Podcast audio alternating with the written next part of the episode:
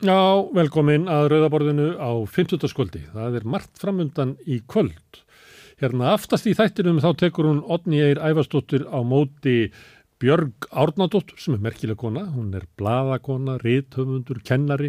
Það er alltaf ræða um, já hvað er að segja, svona umbreytinga, mátt, listana, hvernig listir og svona að skoða samfélagið getur hjálpað alls konar fólki, ekki kannski sístem sem að standa veikast.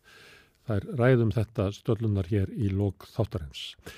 E, Sigmar Guðmundsson, e, þingmaður, hann fór á vóg í sumar, skrifaði grein á vísi í morgun um það, en kannski mest um það að, að S.A.A.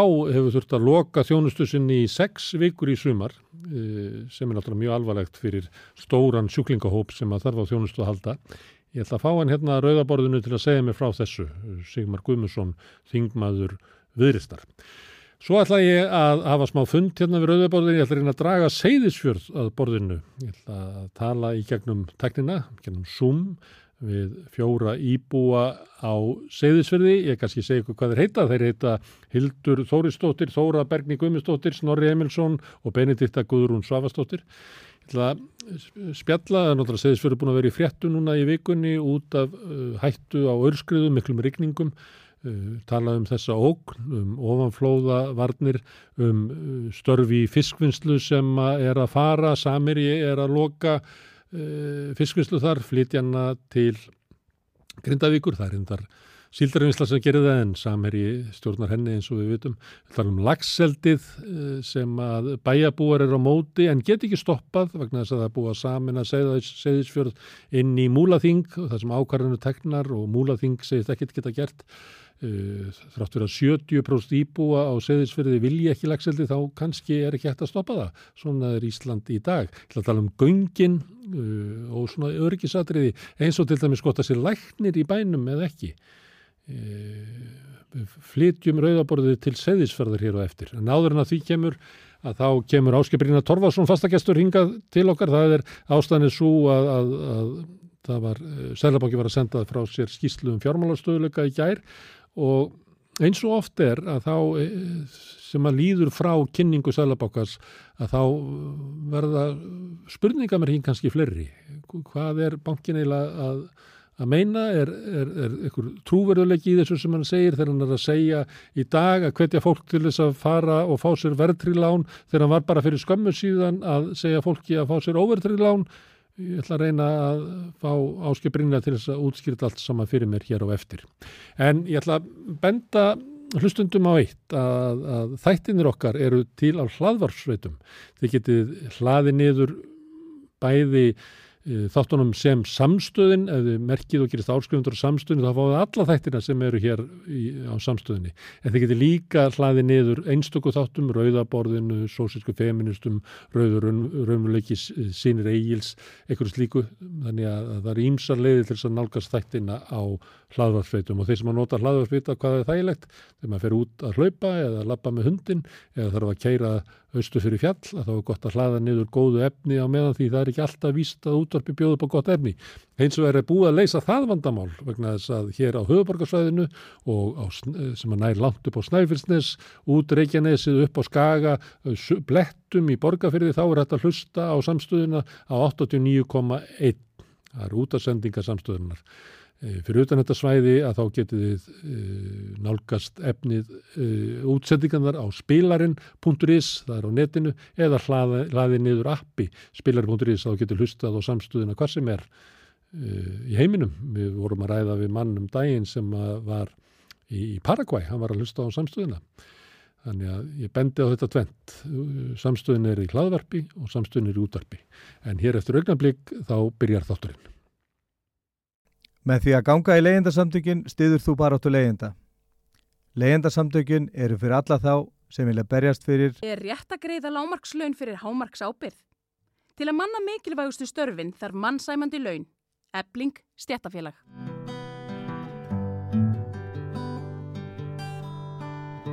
Já, þá er það fjármálastöðuleiki. Sælabankin kynnti stöðuna í gær heldar fund og sendi frá sér skýslu og svona fólk hefur verið að melda þetta, hvaða var sem að Særlabankin var að segja og, og hvaða skilabóðan er að senda út í samfélagið. Til að hjálpa okkur að skilja þetta er hinga komin Áskjöpirina Torfarsson, sérfræðingur í fjármálum. Velkomin. Takk. Hvað er það svona, hvað er fréttnast af því sem að kom frá Sælabankunum í gerð?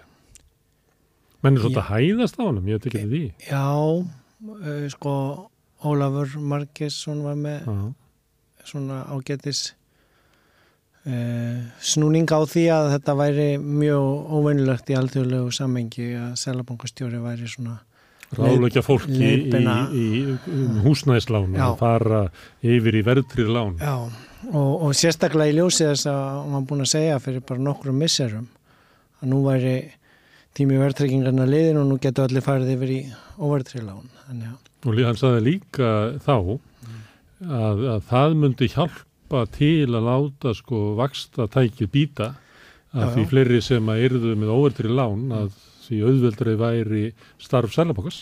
Já, peningastemnumdarinn, því þá er virkni peningastemnar eins og heitir, hún er, hún er beittari, hefur meiri áhrif þegar þeir hækka vexti, en verðtryggingin er þess aðlis að, að, að hækkun vakstana hjá selabankunum býtur ekki að því að, að því að það er bara uh, já, lagt á höfustólinn því að frestað, það, Mm. þann, þannig að fólk lifir af en, en, en, en hérna, eignast aldrei neitt, Nei. það er alltaf að borga og borga í hamstrahjólinu en, en verður ekki neina eignamyndun. Þannig að þetta er sko mm, eh, þe- þetta er mjög merkilegt eða það sem afhjúpast í gerð og í þessum viðtölum að, að, að það er eins og að þetta hafi verið einhver svona tilraun sem að menn séu bara við, viðkjöna núna hafi mistekist Mm. við, við reyndum að setja á óverið til lán og, og sumir hérna komi ágætt lút úr því sem hefur efnaði og og, og, og lifðu í nokkur örfa á ágætt ár og gáttu ég að vel borga niður höfustóli viðbútt við. Nú erum við bara back to normal. Já, og, og ég sko normal, aftur, í, aftur í verbúðartíman og aftur í verðtryggingu og hún sé bara hérna, og það var e- eiginlega hinn á merkilegi punkturinn út úr fréttunum í gerð var að sko Sælabankastjón eiginlega hótaði því bara ef að verðbólgan fer ekki niður þá er tími uh, overtriðu lánana liðin og, og, og sko þannig að þetta er já, svona þegar maður kemur úr alþjóðlegu samhengi og það voru nokkri selabankar að ákveða í gær bandaríski og breski í dag að null hækka ekki og, Já. og skandinavisku selabankanir sænski Þú eru þó með lægri vestum við. Já, já, eru bara kringum fimm og hérna svo sænski og, og, og eh, danski að norski voru að hækka um fjörðungur prósentu og eru þarna í þrjú fjögur sko. Mm. Og þeir í Rúslandi hækkum 1% og þetta sé líka í Tyrklandi þar sem að menn hækka svona mikið, svipað hér. Já, já, þeir settu held ég þryggja prósent hækkun þar. En, en sko það, það sem er það sem er sko áhyggjöfni við þetta er eins og að, að sko, þessi fjármálastöðleika nefnd sem er eh, hluti af þessari breytingu sem var þegar voru nýlög sett um Sælabankan bara eh, fyrir ekkert svo lungu síðan en það var fyrir COVID og fyrir eh, stríð að hérna eh, að þá var í viðbútt við peningastefnu og, og sem sagt að vaksta ákvarðana verðstöðuleika markmiða þá er þetta markmið sem að mandaði svolítið fyrir hruna og að Sælabankin þetta stöðla að fjármálastöðuleika líka. Og, og, og þess vegna var að Sælabankastjóri fyrir fjármálastöðuleika og, og það er í raun og veru allt gott með stöðuleika fjármála kerfisins, bankanir er ekkert að fara inn á hausinn og, og, en, en það Þó það nú væri því að þeir eru með svo svífurðulegt vakst á okkur að, að það væri nú uh, eitthvað skrítið ef þeir stæði ekki þokkarlega eftir það hvernig er blóðmjólka fyrirtæki og heimili. Já og það var annars sem ég hjó eftir hjá Sælabankstjónum í gæra, hann sagði sko já, bankanir eiga nógan pening til að hjálpa og aðstóða viðskiptafinna og ég áttaði mikið á sko hvað var verið að ég hefði haldið að svona ríkið að styðja við eh, almenning með vakstabótum eða einhverjum aðgjörum að það væri nú ekki hlutverk bankana en, en, en, en hins vegar sko Ég held að þetta sé reynslan eins að, að sem að leita til bankana í vonum miskun og, og hlýjan faðum. Það er nú gamalt frasi sem að bankiðin elskar þið ekki. Nei Mm. En, en það sem að voru skilabóðin úr yfirlýsingu fjármálastöðleika nefndarinnar og, og það kom út þetta reyð líka fjármálastöðleika Mm. eins og peningamál koma með yfirlýsingu peningastöðum nefndarinnar að, að það var í raun og veru svona tilmæli frá selabankunum til fjármála fyrirtækjana að vera nú liðileg við kunnana sína og lengja í lánunum, leifa fólki að setja aftan á hérna og, og uh, hjálpa öllum að koma tilbaka yfir í, yfir í, í hérna, verðtrykt sko, að því að þannig já, fara lánin ekki vanskil sko, mm. þú veist að, að, að því að uh, það er náttúrulega hættan ef að fólk hefur gefna að borga lánunum en, en sko í bandaríkjanum máttu þá bara skila leiklunum og þá þarfstu bara að búa í einhverju hjólísi eða, eða fara á flakk eða flytja heim til mömmu en mm. hér getur það ekki sko. Þá er það oft þannig að það ekki í bandaríkjónum að þú átt ekki efna á afborgununum mm. þá er kannski líka eigið fyrir búið að klárast mm. og þetta, ég vil eitthvað gera þetta þannig að sko það verður verðfall á eignunum mm. og eigið fyrir hverfur mm. og þú átt kannski skuldar meira í eigninni heldur en að nefnur verðmættennar og þá skiljar þú líklunum. Já. En nú er fólk ofta að lendi því að það á ekki fyrir afborgununum Já. en samt er eigið fyrir í eigninni. Og, og, og þessi tilla og tilmæli í gær og, mm. og þessi já, holskefla af umbreytingum úr verðtröðunlánum yfir í, í, í úr overtröðunlánum yfir í verðtröðu aftur er í raun og veru bara verið að segja að þetta eigifið sem átt í íbúðinni er búin að eignast núna að það er eiginlega bara að fara að fara tilbaka til fjármarsenganda mm. hérna, við erum að fara að geta af því mm. og sko ég skil ekki hvernig selabanki sem á að vera stöðulega verðstöðuleika telur að þetta hjálpi til við að ná verðbólgunni niður að því að sko nú erum við einstöki heimi með að hafa húsnæðislegin mm. svona sérinni þannig að, að við sem sluppum við orkuverðbólguna sem allir voru að kljóst við Evrópu að, að við fengum út af vakstalækkununum í COVID hérna húsnæðisbólu og svo núna er verið Selabankin ánaði með að vera búin að kæla þá bólu þó að eins og Ólafur Margesson beinti hérna á hjá þér í viðtali fyrir vikunni mm. að það er ekkit að fara að leysa frambóðskortin, framlegsluskortin mm. húsi og svo kemur þetta núna að sko að, að þetta frekari vakstahækkanir eða svona lengingi lánum eða að flytja þannig að getist af höfustólunum þínum það er ekki að fara að gera neitt með að lækka verbulgun í landinu sko. þannig, þannig að, að þeir, það er eiginlega já, bara uh, verið að bjarga því að það verði uh, einhver holskefla af fólki sem hendur í greiðsluvandræðum og hætti að borga aflánunum en í staðin verður í raun og veru bara af þessum þriðungi eh, hérna, heimila sem er með húsnæði í eigin eigu er mm. bara að fara að gefa tilbaka til fjármálakerfisins af höfustólunum sínum að því að vexta stíði í landinu er svo hátt og, mm. og, og þetta er eiginlega eh, sko, þetta er eiginlega alveg ótrúlega efnaðarstjórn og, og að, að pólitíkinn kom ekki inn í þetta og sko að, að, að það sé ekki verið að gera einhverjar heldstæðar aðgerðir í húsnæðismálum. Bjarni Benediktsson hefur sagt þetta sama og áskerar að segja núna að, mm. að lausnin sé svo að fólk fari bara úr oferdrúðurlánunum yfir í verðirlán. Og þetta byggir á því að sko, fólk hefur val, hann sagði þetta í sjónas viðtalinu gæð. Fólk er alls konar, alls konar stöðu. Já, fólk getur valið bara að taka lán hjá bankunum sem er lífeyrisjónum og það mm. getur valið verðtrikt og overtrikt mm. og, og ef það er overtrikt getur valið þrjú eða fimm ár. Mm. Ég er kakkarindi hérna þegar þetta byrjaði að því ég hafði nú verið lengi í Svíþjóð. Þar gastu bundi vextina í eitt ár, tvö ár, þrjú ár, fjór ár, fimm ár, sjö ár, tí ár. Mm. En hérna var bara þrjú eða fimm mm. og hjá öllum bankunum eins. Mm. Og, og þess vegna er þessi snjóhengja svo kallega að koma núna mm. og næst ári og, og 2025. Það var fjallað um að sko, uh, bankanir stæðu rosalega vel mm. en það var líka að segja að heimilin stæðu ágjörða, það verði ekki mikil vanskil og svona, menn hafa nú verið að benda á að þetta sé svolítið fölsk mynd, sérstaklega þegar að vera að vísa fólki úr overtrúðlánunum yfir í verðilán því að, að, að, að það sem að gerist þá og sérstaklega við reiknum með að að húsnæðisverð sé svolítið að gefa eftir, allavega ekki að fylgja sko verðbólgu. Að það sem að gerist þá er að, að, að fólk sem kemur skuldut innan úr uh, hérna, overtrúðulánunum inn í það að þá hérna, er ekki einn vanskil en hins vegar það sem er að gerast er að eigið fjöður er að hægt og bítanda getastu mm. og bankin er alveg sáttu við það það er bara að vera að flytja eigninar öfulega yfir til þeirra. Ja. Það er ekki fyrir en að eigið fjöður búið sem að geta verið til 2 ár, 3 ár, 4 ár og 5 ár að þá fer fólk að lenda í sko sambarlu vanda og var hér eftir hrun. Er líkur á því að við séum að horfa upp á þennan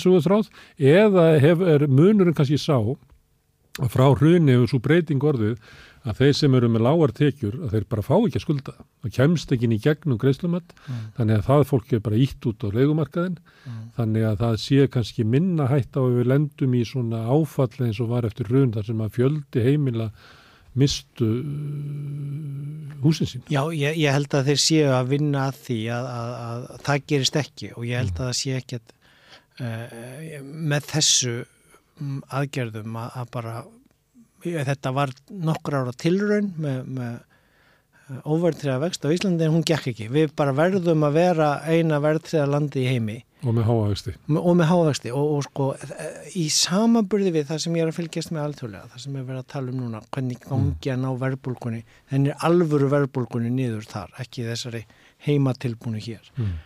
að þá eru svona skilabóðin eh, það var ekki vakstahækkun í gæri hjá bandaríska seljabanknum, það var ekki vakstahækkun í dag hjá hennum breska, þannig að óbreytt, null, ákveðið meðan að markaður byggust kannski við fjórðungi eða hálfu. Að, að, að sko að, að, það, að það skilabóðin þar eru en við verðum með aðeins ofháa verðbólgu og aðeins of lengi. Þar sé að það verður 4-5% Mm. verðbólga og hún er ekki að fara að klárast á, á næsta ári næstu tveimur árum. Hún er farin að hún, hún er aðeins of hérna, ég meina við sáum Putin hætti að selja ólju út á markaðin hann að óljuverð fer upp veist, það er alls konar svona hérna, um, umstruktureringa um, umskipti í heimsækkerfinu framleiðslu svona uh, hnögrar uh, líkt og við lærðum á í COVID en vegna þess að vera að flytja vesmiður til og með landa og teku tíma að byggja þær upp veist, allt þetta er að valda því sem að alþjóðlega selbankan er að segja að, að, að hérna, verðbólgan verður aðeins meira viðvarandi. Þar eru við að tala um 4-5% verðbólgan sem er tala nú mikilvægt því markmiðið er 2 en, en hérna eru við 7,8 var einhver reyndar greiningadeildin að spá fyrir að Já. og, og, veist, og með stýrivexti þar sko. og uh, hvernig Og og- ætla meina að reyka húsnæðiskerfi í þessu landi í svona ástandi það, það sko og, og hagvöxturinn hérna er drifin áfram af, af innflutningi vinnuafls og ferðabólu. Þannig að sko það er eins og enginn sé að horfa á hildarmyndina heldur er svona að slá á eitthvað sem kemur upp og ok, hjúk, það er ekki að fara að koma hérna uh, holskefla af, af greiðsluvandræðum að því að við látum bankana sem standa svo vel þeir fá svo vel borgaða háa vexti frá ríkinu á innstæðum sínum í selbankana mm. og þeir, þeir hérna uh, En vandin á húsnæðsmarkaði fyrir vaksandi. Það og er verið að draga saman frambóð þegar það ætti að vera akkurat öfugt. Kerfið er bara ekki að virka. Það er mjög aðeinsett viðtal sem ég tók við Óla Margesson í vikunni Já. sem að tróði þetta mjög fram. Að það eiginlega bara struktúrbreytingu á, á húsnæðskerfinu já, og bara uh, einblýna á það hvernig getum við auki frambóðið og, og lækka verðið á húsnæði já til þess að leysa húsnæðiskreppina.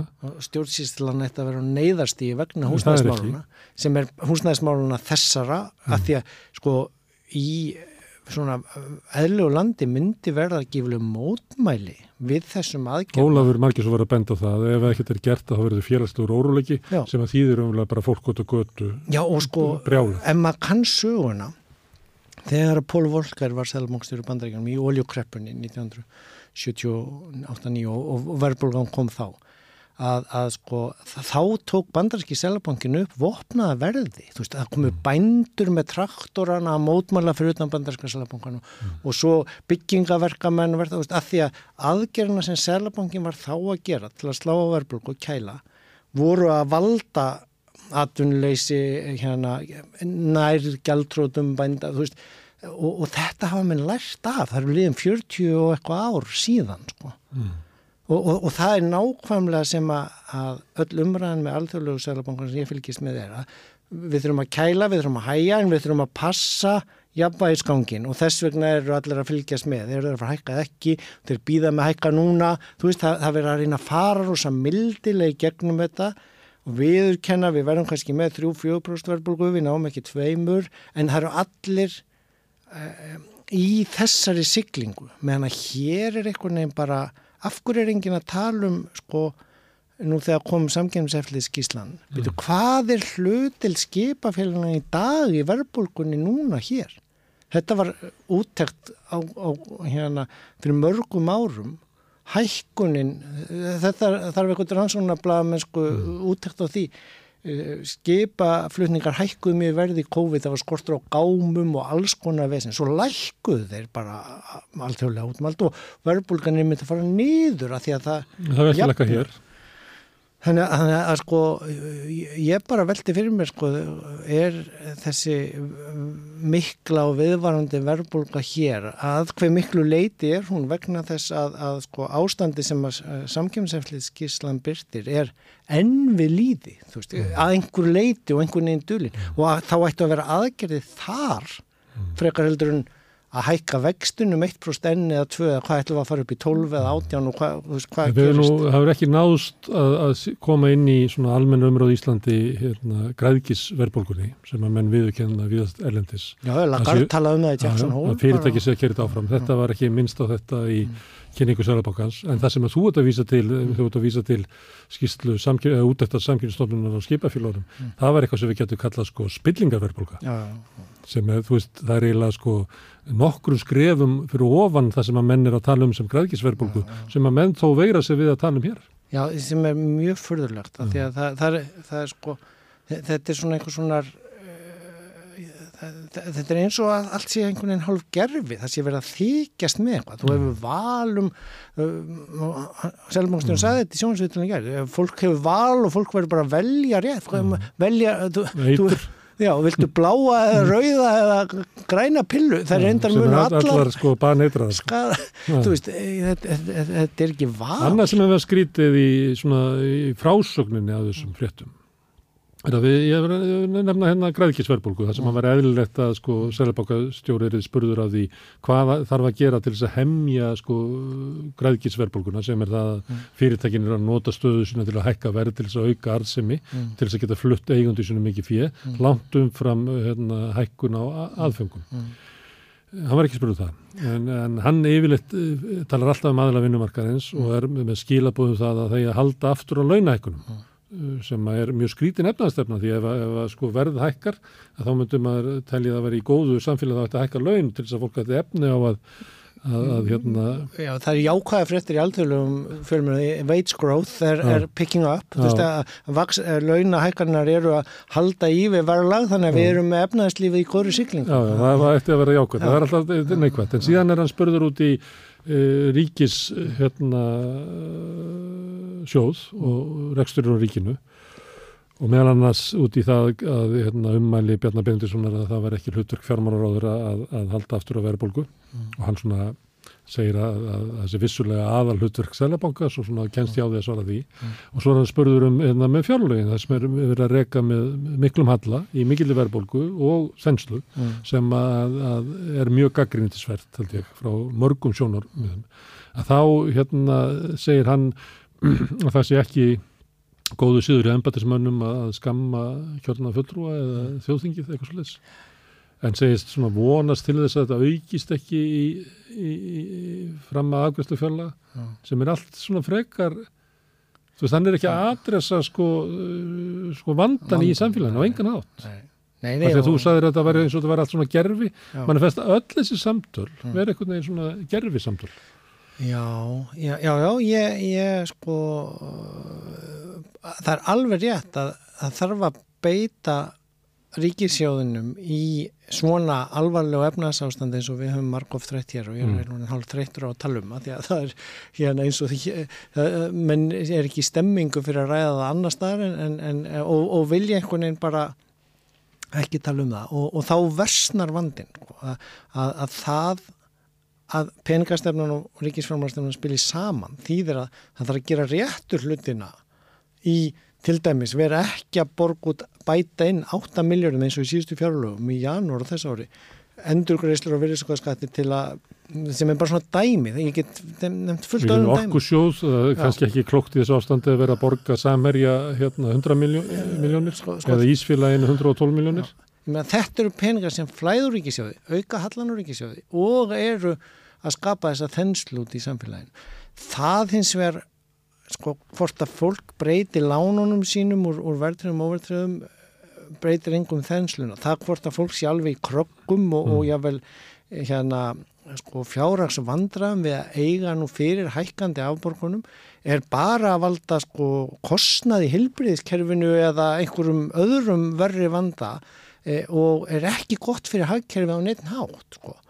Og, og, og, og það að það megi ekki tala um skattana, það meiri sér komið í sko Breitlandi, Financial Times bara stjórnmálmenn verða að tala heiðarlega við kjósendur sína um skatta. Just í leiðara Financial Times í viðbót við náttúrulega að, sko, sem er svona kirkjan í frjálsökunar Já. kannski ekki ja, ruddarleg og ekonomist en samt svona. Og, og svona bregst við að hann ætla þá að fresta einhverjum erfiðum kostnæðsum aðgerum eins og lofslagsmálunum sko, til að reka ríkisjóðin þá allavega í e, eð, eðlilegum hérna balans sko, frekar heldur að hækka skatta á hérna, hinnum ríku, fjármagni og fyrirtækjegundum þá ætlar hann að, að fresta því að gera eitthvað í lofstafsvanni Já, þannig að, ef við förumst þá förumst við allavega með lága skatta á hinn ríku Já. það er eiginlega stefnan í Breitlandi en, en, en það er allavega að byrja að tala um skattana sko. hér er, er það bara eh, ekki hérna og, og þeir væru rétt að tóli til að bregðast við þenslunni og ymmit að eins og svíjarnir gerðu ég var nú að tala um hérna eh, hjá ykkur bræðrum, svona mails að. Basbeloppið, grunnfjárhæðin í sænska kerfinu sem er í raun og veru verðtrygging á bótunum en ekki á, á, á vöxtunum Já, og líka þrepunum Já. og, og því sem að Já. væri í dag, nei á Íslandi væri sko persónalslátturinn, að það myndi fylgja bara verðlægi og launum. En þeir ákvaðu þar eh, á, í, svona, í hægri stjórn í Svíþjóð að láta efsta stíð ekki hækka upp fylgja.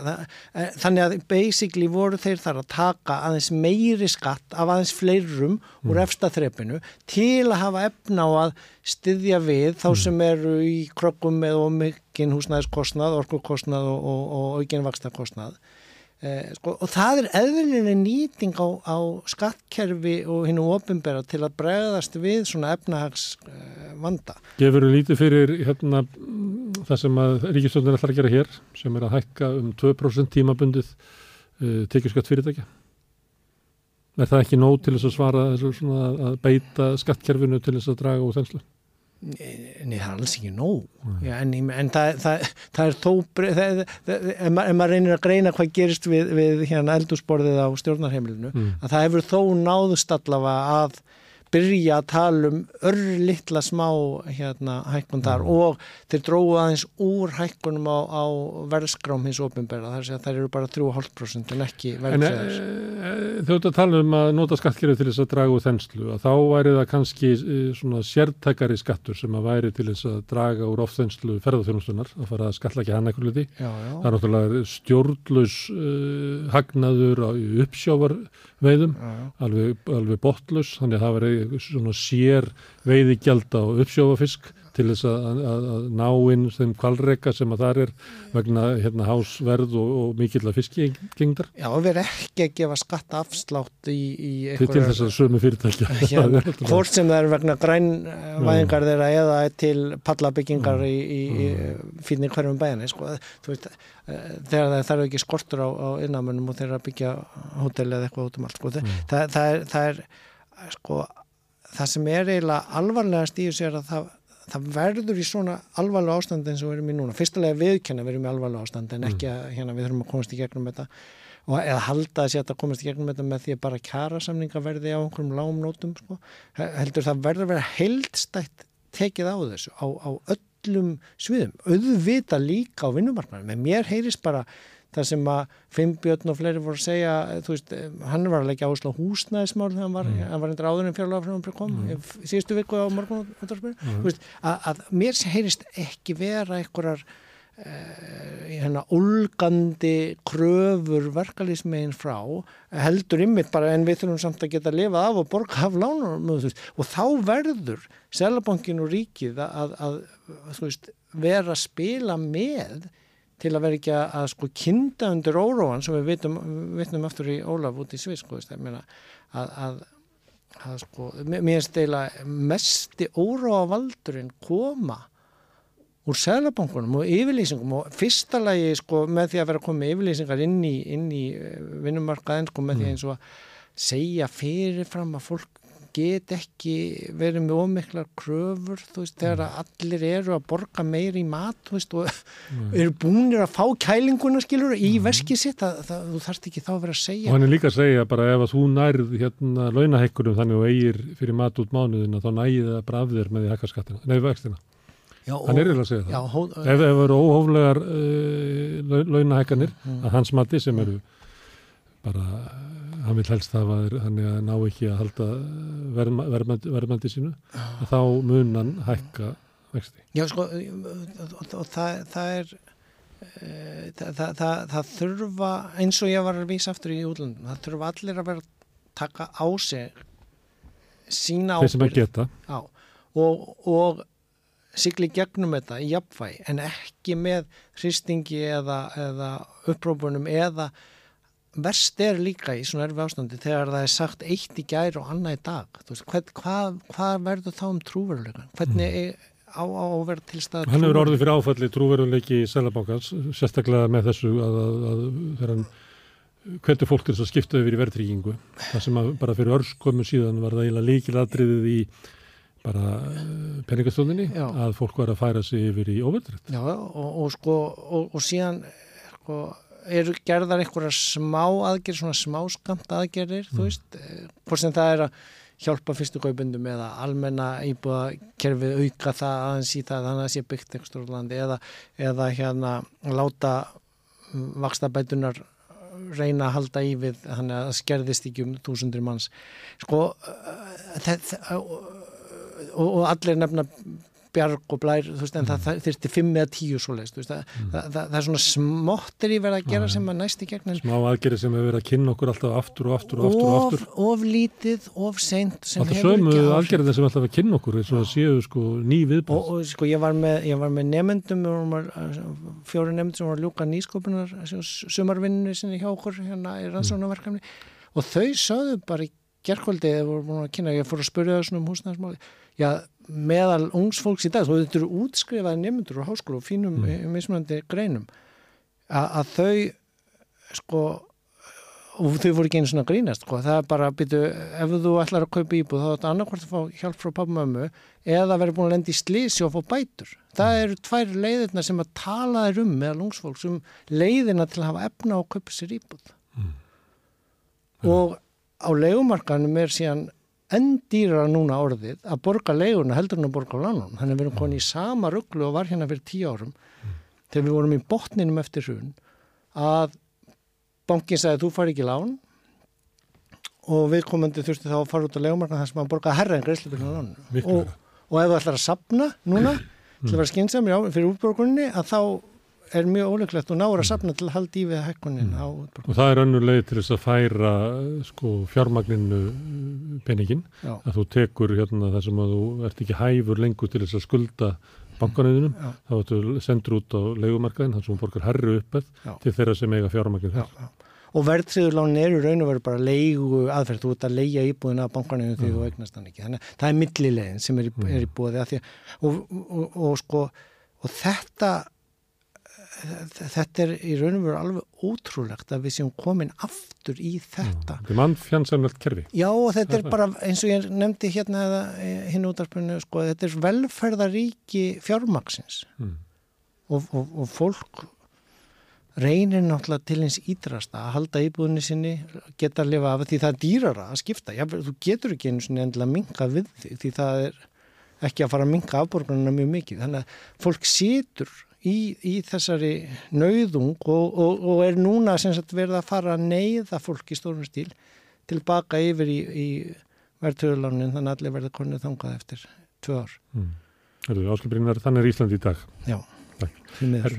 Við höldum áfram hérna á rauðabarðinu. Við flettum og tökum fyrir næsta mál.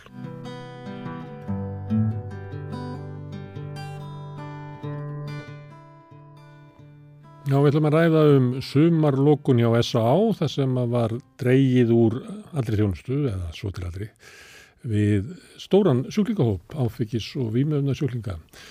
Uh, Sigmar, Mm. þú hefur hérna bryttað upp á þessu máli, grein á vísi, svo varstu nýtt á þingi að tala um þetta. já.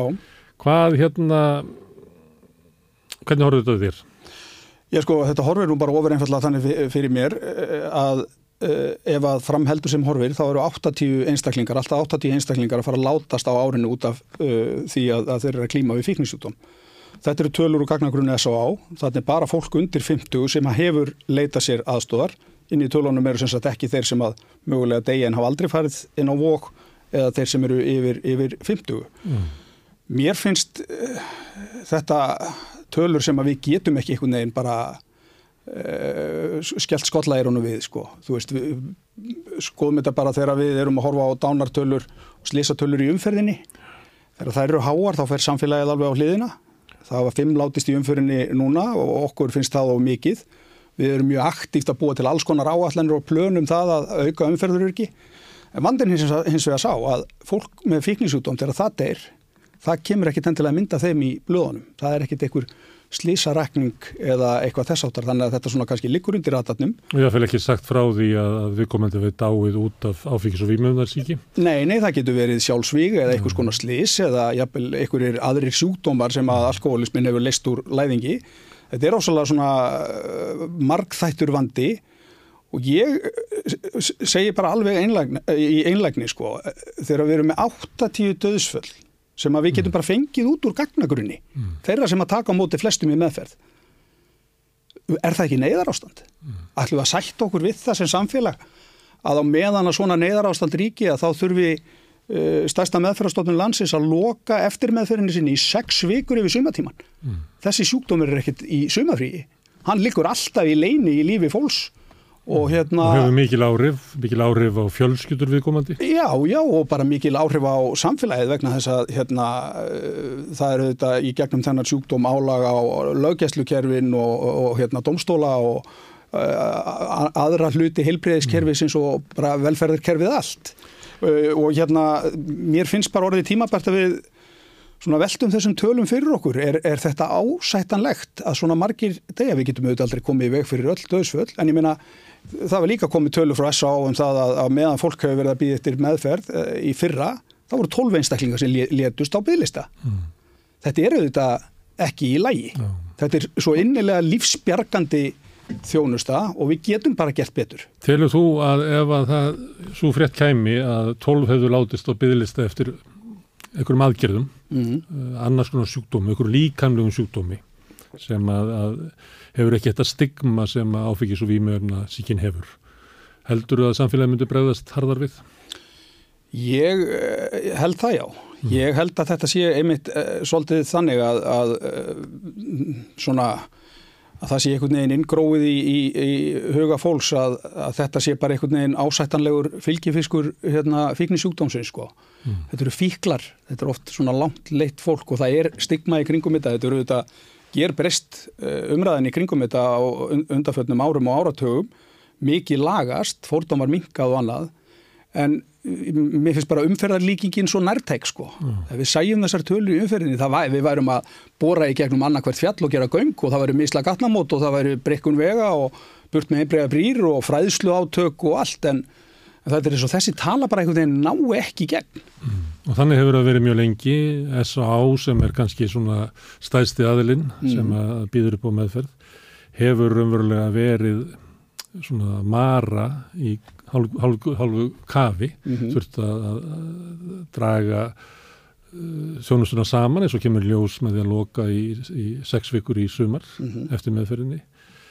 Þannig að þetta átak sem að þú ert að kalla eftir, þörfin fyrir það hefur verið lengi en, en það átak er ekki í gangi. Þörfin er kannski orðin ennbrítni núna því að við erum með óbjóða faraldur hér þar sem að mikið af fólki deyr, kannski já. ekki allt fíklar, sumi deyja bara einfallega slísfurum mm. en það er út af því að sko fíknefnin eru í gangi. Já, já, það er nú nákvæmlega málið og ég held að þetta hafi nú bara verið þannig hjá S.A.A. í, í vor sko, það var búið að lofa auknu fjármagni til samtakana eh, til þess að breyðast við ópjóðafaraldrinum. Það eru þetta samningur í gangi á milli sjúkvæðartrygginga og, og S.A.A. um uh, tilteknar greiðslur út af ópjóða vanda. Mm. Það átt að bæta í það þegar umræðan var hvað mest hérna á vormánuðum. Uh, það fjármagn hefur ekki skilað sér. Ég held að menn hafi nú bara einfallega verið þeirri stöðu við að minga þjónustuna í þessum bráðavanda sem ópjóðafaraldrin er eða ætlum við að, að loka meðferðarstöðinni vík í sex vikur. Þetta var bara val. Það, það var ekki hægt að gera bæði. Sophie's Choice sem að S.A. Svolítið þannig sko og ég spurði Viljum um þetta í þinginu í dag og hann hérna svaraði því nú til að það ætti nú að hefjast eitthvað samtal við S.A. um þetta. Það hefur ekkit verið rætt af hálfu sjúkratrygginga við S.A um þessa fjármæli Var ekki ákvörðu tekið fyrir mörgum mörgum mánuðu síðan? Jú, jú, jú, bara skjálfest og rætti ríkistjórn og hendin á vef, vef hérna, stjórnaráðsins og allt þetta og svo bara líður og býður. Þetta getur við ekki látið viðgangast mm. ef við erum að eiga við bráðavanda. Þetta er bráðavandi. Mm. Þetta er ekki eitthvað sem að mallar og við getum bara tekið eitthvað til að ná í framtíðinni og auðvitað er það þannig að það vantar miklu meira fjármagn í margt og allt það en e, þetta er svona lífsbjargandi meðferð sem við erum að tala um þarna við erum unverulega að bjarga mannslífum með því að stíga þarna fast inn og auðvitað í leiðinni þá að spara fjármunni og minka álag og öðrum postum samfélagsins í leiðinni e, við mögum auðvitað heldur ekki gleyma því að, að það er ekki bara S.A.A. sem er með meðferðastarf það er auðvitað frábær starfunni á Krísuvík mm. og hlaðgerarkoti og annað en við tölum auðvitað svolítið mikið um S.A.A. þetta er svona stærsti aðilin, þeir eru auðvitað líka reyka sjúkrahúsi og, og og það er náttúrulega algengt ferðlega menn farið fyrst á vóg og svo á einhvern hinn að staðana eða, eða, eða, eða hvernig sem það er. En mér fannst einhvern veginn á Viljum, ég veit reyndar að Viljum er velviljaður og, og hérna eh, þykist nú vita það hún finnist þetta ekki gott ástand sko. En hann var svona eitthvað að vísi það að það væri verið að fara í gegnum tölur og gögn og annaður en átt að segja á stöðinni mm. e, velkist einhver í vafa um það hver staðan er þótt að við höfum kannski ekki eitthvað alveg hárn ákama tölu. Nei, það þarf ekki enn eina skísluna. Í raun og veru ekki. Nei, það veit allir hver vandin er, það Já. veit að flestir hver lausnin er. Það er engin ágrinningur um það. Nei, það hefur mér ekki fundist sko, Nei. þannig að þetta er eins og kerfið. Við erum svolítið á því að rauðaborðið ávustum skulle þekkja þá, þannig að, að, að maður bara metur stjórnvöld út frá því hvað þið gera En, en hvað þú segja, þú veist hvernig líður með þetta, það er eiginlega auka aðriði sko. Já, já. Þú verður að gera eitthvað. Það verður, það, það, það verður að gera eitthvað mm. og hérna, jú, jú, ég meina þetta er þannig að það er allir stjórnmálamenn mjög vel viljaðir því að, að, að bæta í þannan málaflokk og allt það en, en mér finnst samt einhvern veginn að umræðin um þetta fer alltaf bara svolítið á stað þegar við erum með einhverja svona hörmungar í hérna fanginu. Sko. Ég held að framlögin hafi ekki aukist ha? bara frá því fyrir raun sko. Ég held að uh, framlög ríkisins til S.A.A. Mm. hafi ekki aukist bara, þú þarf að fara bara langt aftur, getur verið langt aftur, það verið ekki aukning. Þrátt fyrir sko vaksandi neyslu, þrátt mm. fyrir hérna, fjölbreytilegri neyslu, fjölbreytilegri vanda, uh, þrátt fyrir svona alls konar hluti þá hefur það ekki aukist almennt. Nei, nei.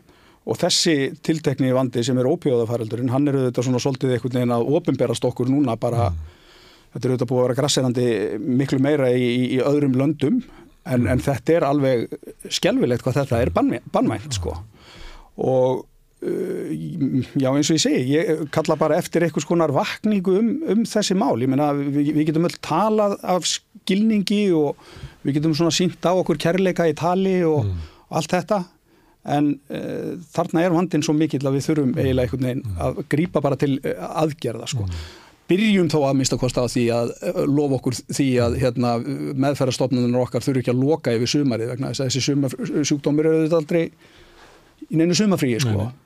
Þú fórstu upp á vogi í sumar, varstu varfið það að, að svona hópur væri kvíðin fyrir því að raunverulega hafa ekkert annað að gera en að bara fara út á götu? Já, það var þannig og ég var þarna í, í, í tvær vikur í, í júli eða, eða tæpar tvær vikur í júli og kláraði alveg í lok júli og þá var auðvitað engin eftir með þetta í bóði í eitthvað tíma og auðvitað mm. sapnast upp líka síðan þegar að loksins opnar sko, mm. plássin verða svolítið frátekinn sko og þetta var mjög mikið rætt á meðal sjúklinga og ég las það þannig að mér fannst starfsfólk þarna þau fannst óþægilegt að ræða það að, að það var ekki hægt að bjóða upp á einhverja samfellu í meðferðinni mm. ég meina samfella í þessu skiptir alveg öllu máli mm. og ég meina það er bara eitthvað sem sjúklingarnir voru mjög meðvitaður um og, mm. og það eru allir að reyna að reyfa sig eins vel og þeir geta og mikið og, og hérna en, en veist, eh, menn, menn koma inn á vók og eru þar í tíu daga og þurfa svo kannski að býða í tvo mánuði eða eitthvað eftir framhalsmeðferð. Bæði getur þetta að vera erfitt fyrir fólk bara út af starfi og öðru slíku mm. og svo bara gerist ofsalega mikið hjá svona brotættu fólki á, á tveimur mánuðum. Sko. Það er svo rosalega mikið skjól í því að geta farið á vogi og í inniliggjandi meðferð, hvort sem að það er mánuður á vík eða þrýr mánuður á hlaðgerakoti eða sex eða nýju mánuður á krísuvík Eða beint inn í, dagmeðferð. Þannig eru bara ofta skil á milli lífs og dauða. Af því að eh, það bara tekur tíma fyrir fólk að ná okkur í jafnveg og menn eru bara berskjaldaðir á fyrstu dögunum og komnir í betri mál eftir, eftir mánuð heldur en, heldur en ekki sko. Þetta, er- þetta er bara svo leiðis. alls konar harmur, ég var Já. starfaði eins og fyrir að sá og fólk hefur stundu samband við mig sem er í miklu vanda en þá, að ég hafi ekki mikið lúraði til þess að hjálpa fólki ég man að það var maður sem að, hafði samband við mig í sumar að konans hafði farið í, inn á vók í tíu daga og það Mm. var síðan ekkert framald af því mm. og hérna og hún fjall sem að sömuleiti er skynlilegt því að hún hefur engan stuðning Mm. og hún var heima að drekka og vildi fara aftur inn á vóg en af því að það var svo stutt síðan hún fór að þá var ekki tekið á mótinni Já, já, þeir fórgangsraði einhvern veginn fórkostlega sko. þannig, þannig að hún var heima og þráði ekkit heitar heldur en að komast bara inn í afvötnum og gríðalegt álag sem allir vita sem hafa lifað við að hafa virkan alkálistin á heimilinu Já, já, það verður bara það er þúnt ský yfir bara heilri fjölskyldu Mhm. vikum og mánuðum saman vegna þess að það er bara ekki sko, frambóð á, á, á helbriðstjónustu já, já. Og, og nákvæmlega á heilbriðistjónustu. Já. Þetta er ekkert annað heldur en heilbriðistjónusta. Og þetta fólk, við erum alltaf, eh, þú veist, maður er að nefna þetta eru tölur auðvitað, 80 manns á þessu ári og... og sem að falla sko, fyrir utan alla hina sem að þjást. Já, já, nákvæmlega. Og, og hérna og, örgulega mikil vanáætlun í þeirri tölun sem við verðum að rekja hérna áðan. En menn, þetta er allt bara bræður og systur. Þetta eru feður og mæður. Já, og þarna á bakvið eru börn sem eru að missa fóreldra sína. Mm, þarna er alveg ólýsanlegur harmur líka jafnvel þótt fólk falli ekki frá bara átökin og baráttan við þennan sjúkdóm inn á heimilum svona afleitur skaði af þessu er svo mikil sko. þess vegna er þetta á marganhátt miklu erfiðari vandi heldur en uh, margt annað. Þetta er líka sko þetta getur verið svolítið flókið eh, fyrir fólk að meðtaka að þetta er ósvöldlega órögréttur sjúkdómur sko, gott fólk fyrir að hegða sér ekki eins og gott fólk. Þetta hérna sá sem er ekki með þennan sjúkdóm, hann skilur þetta auðvitað illa, ja, því að þetta er svo óröggrétt hegðun, aðdraðandina falli eða, aðdra, eða hvernig menn er í neyslu og allt þetta. Það Það mikið- Þar kemur þetta stigma sem að þú ert að nefna sko, en þetta er bara sjúkdómur og heilbriðiskerfið verður að taka á þessu sem vanda þar sem við erum að missa tugi einstaklinga ef ekki meira á hverju einasta ári. já. og það er líka það að, að það er svolítið litið á, á sko, sjúklingandi bera svolítið mikla ábyrð á, á árangri meðferðarinnar að, að, og það er vitað að hún virkar ekki fyrir alla þannig að fólk hérna, fellur og þarf aftur á hjálpa að halda Já, já. Krónískur stundum bara fljótlega eða Já. löngu setna en það er oft svona bæði er það sko við, við horfið í samfélaginu en ekki síður um þú veist hvernig helbriðiskerfið er uppbyggt Mm. og það er meira þess að í tryggingunum er þannig að, að, að fólk var kannski frí eða fær borgað eitthvað út úr tryggingunum í eitt skipti eða tvö skipti, það er svona eitthvað ólíkt en síðan ekki í þriðja skipti sem er kannski e, svona meðferð sem við myndum aldrei sett okkur við eitthvað öðrum sjúkdómum, ef þú verður með krabbamenn og það virkar ekki lifjagjöfin að þá hérna borgu við ekki sko uh, geislameðferðina eða, eða skurðagerðina af því að þetta hefði átt að virka hjá þér. Það er svona, Já, já. það er ykkur ótrúlega tregða á að líta svo á að það að hafa og opna þjónustu, opna dyr fyrir þannig sjúklingahóp að það sé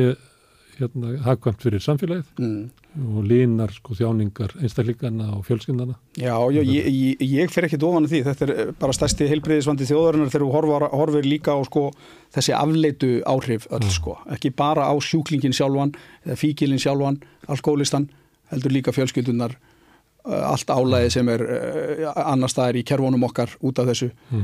uh, veist, það- eru þetta þannig að alltaf þegar menn er að berjast fyrir auknum fjármagni í eitthvað málaflokk, þá tala menn um það að með því að leggja meira í þetta að þá sparist peningar annar staðar og það er hægt að segja þetta með mjög miklum rökum um margt Mm. en við erum alltaf einhvern veginn að horfa í einhverju fjárlaga ári eða, eða kjörtímabilum og einhverju slíku sko. en þegar það kemur að þessu þá, þá, þá er þetta svo mikill no-brainer Mm. Að því að þú veist við vitum alveg álægið á löggjæsluna, álægið á domstólana álægið á saksókn, fangelsi e, velferðakerfin hinn e, þú veist, þetta er Það er þetta þetta- þetta er ætti bara velja. hönd einhvern veginn út um allt sko Það sem fjármálaráður, ef hann ætti ykkur ætti túkall, þá átti hann að setja því er fjármálaráður. Já, já, já, já. Ég, og, og, og til dæmis bara það þarf ekki mikla peninga til þess að tryggja það að hérna, meðferðarstöðunni sé að minnst okkur opnar áriðin kring sko. Byrjum þó allavega þar síðan er hittu þetta, það er hvernig við komum í, í veg fyrir það að, að fólk uh, að sjúkdómur er fangið þetta fólk með einhvers konar forvarnastarfi og einhvers konar uppfræslu til barna og ungmenna og, og hérna það er síðan efnið þetta í, í aðra þætti sko. Þar erum við þetta ekki að standa okkur nægilega vel sko. Þetta er að breytast svo mikið, ég menna þegar ég var í framhaldsskóla þá var það nú þannig að það var hérna auðvelt að ná sér í áfengi en það var erfitt að ná sér í eitthvað annað heldur en áfengi. E, það vissum að bara e, þá í dag fyrir framhaldsskóla krakka er þetta kannski öfugt sko. Það er auðveldara fyrir því að ná sér í eitthvað annað heldur en áfengið sko.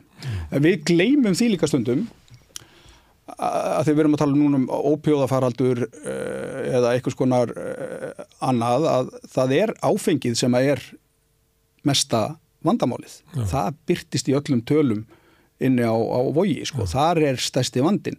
En það eru eitthvað sem er hérna, löguleg vara og svona einhvern veginn, eh, þetta er svo sávandi sér einhvern veginn svolítið að, að hverfa, sko. Fyrir mér er þetta, er þetta bara eitt og sama tópakið, sko. Þetta er bara, e, þetta bara výmöfni og það er af þeim ákveðin skadi og við sem samfélag við verðum auðvitað að takast einhvern veginn á við það sko, sama hvað efnið heitir sko. Horfast auðvitað við það, hvaða hérna, skadi þetta er fyrir líðhelsuna og já. skadi fyrir einstaklingan og hjálpsutuna. Já, já, það er nú mál, þetta er fjölskyldusútumur. Sigmar, takk fyrir að koma hengað og spjalla um þetta. Takk fyrir. Við ætlum að halda áfram að ræða um áfengis og výmöfna síkina og meðferðina við henni í næstu viku, þá koma hengað stöllur frá S.A.A. En núna skiptum við yfir í, á næsta kapla eftir augnablikka.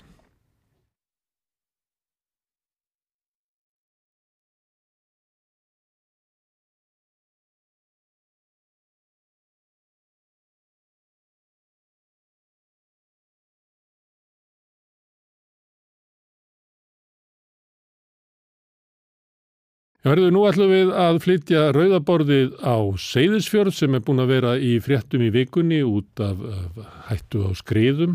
En svo sem verið í fréttonum hérna bara síðustu vikur það er verið að segja fólki í fiskvislunni það er deilt um uh, lagsin í fyrðinum það er verið að tala um fjardarheiðagöng og ímislegt til þess að ræða um ja, Seyðisfjörð og ástandi þar er, er ég búin að fá hingað á Zoom uh, góðan hópa fólki sem öll eru fyrir austan.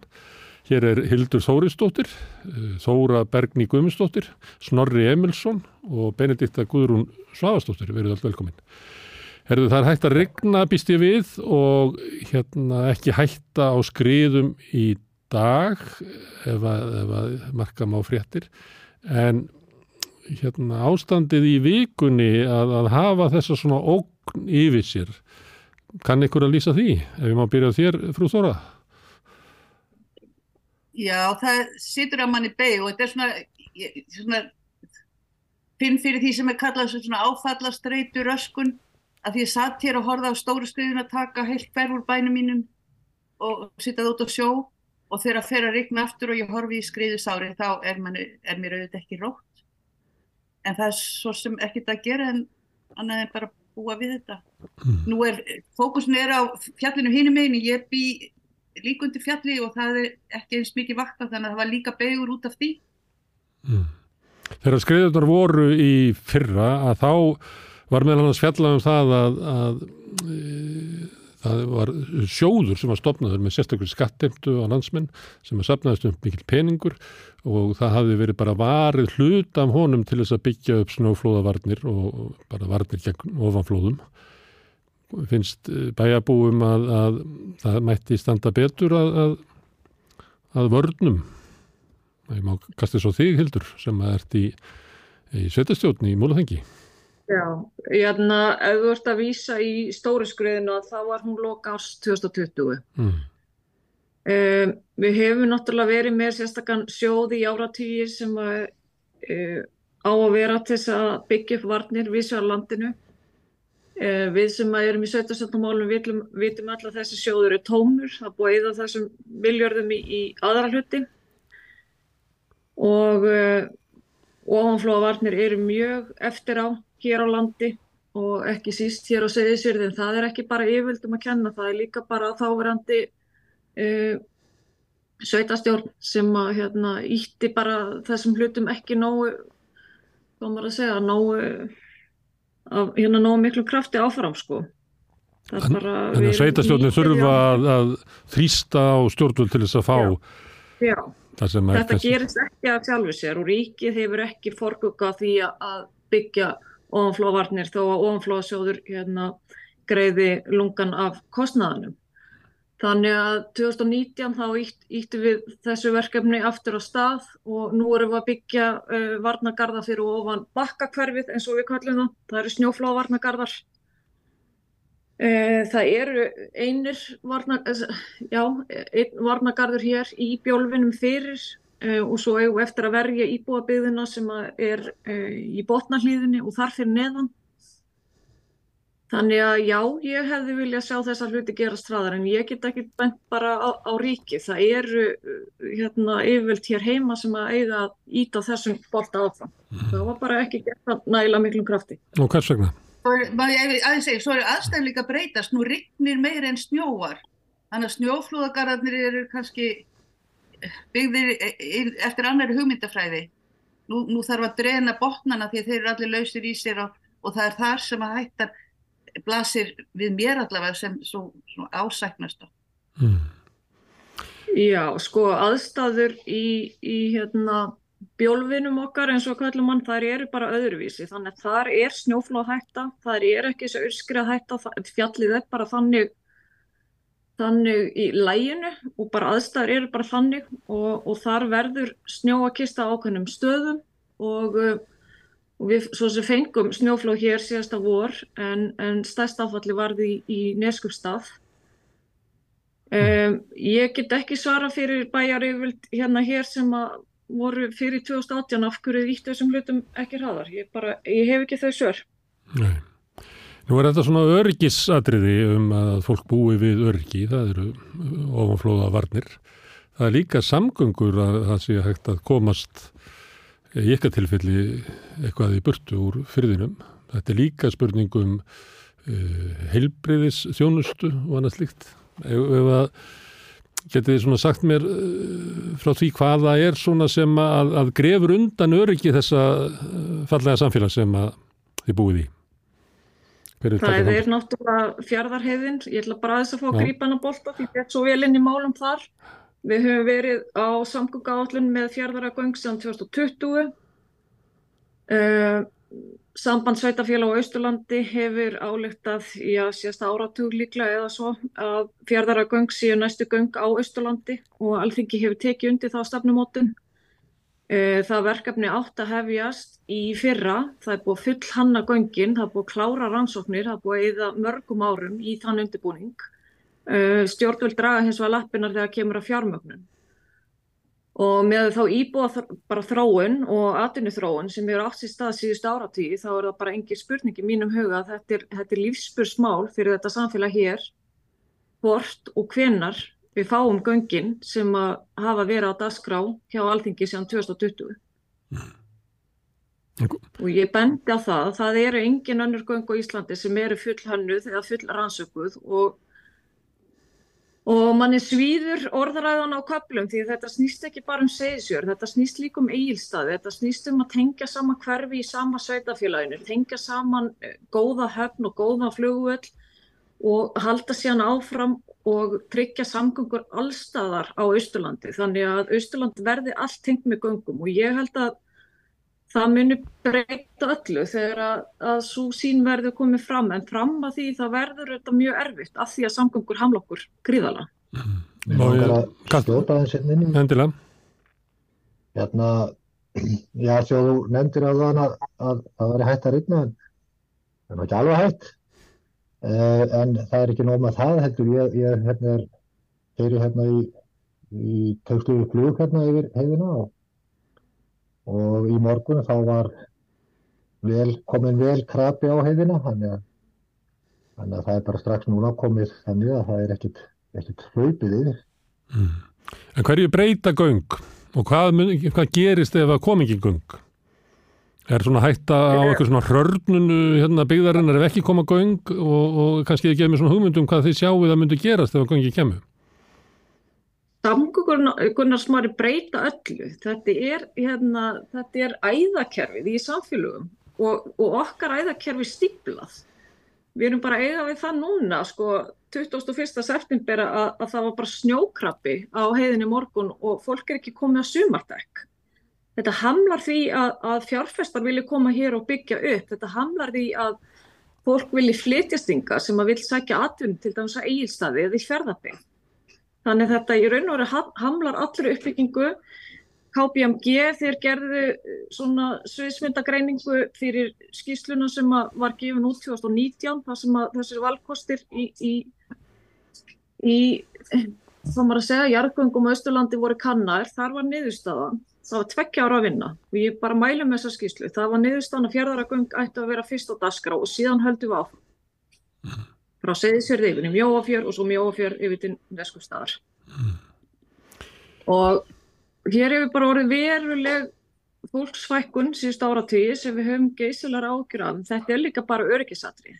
Þegar við erum fann að búa það að hér rignir kannski vikum saman eða snjóar, þá er ekki gott að hafa enga undankomuleg. Mm og fjardarhegðin er eina undankomulegðin og við erum gátt til Evróp þannig að þetta er bara algjörlega galið. Mm.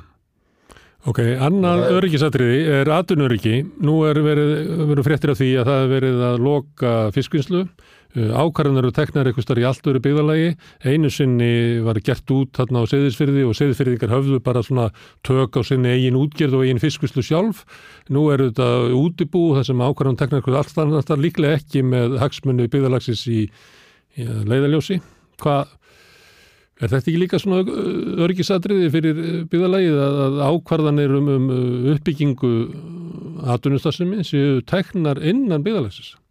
Hver vil taka þennan bólta? Ég kannski kemst að, að sjálfsögðu. Þetta er bara ótrúlega, þetta er eitthvað sem hefur verið þetta yfirmófandi og uh, byggðalagið er bara, hefur verið svona, uh, þú veist, það, það er brotætt um leið og þetta gerist. Þannig að við höfum aldrei haft þetta vald eftir að þessi ákvörni tekin að selja kvotan og þetta er það sem við séð í öðrum byggðalögum, það sem við gert þau svona ótrúlega viðkvæm. Og það er að leiðandi hafa engar stjórn. Og það er akkurat það sem við erum upplæðið, við höfum engar stjórn á okkar einn samfélag og okkar einn framtíð og svo uh, sjáum við náttúrulega að svo eru þeir að benda strax á fiskveldið þeim næsta tækifæri fyrir okkur í aðdunu starfsemi og það er það sem við höfum verið að mótumala hér 75% íbúa sem vilja ekki sjá það á sínum stað. Þannig að mér finnst allt snúast um með þetta. Við, þetta er eins og bara eitthvað svona, eitthvað karlahópur, maður sér fyrir sér þeir haldi bara höndunum saman og þeir bara stýra ferðinni og hafa algjört valdi við því. Hvernig eh, okkar samfélag þróast. Við höfum þróað hér bara að ég tel samfélag sem verður mjög stolt af og ánað með. Hér hefur svona lág gróður fengið að vaksa.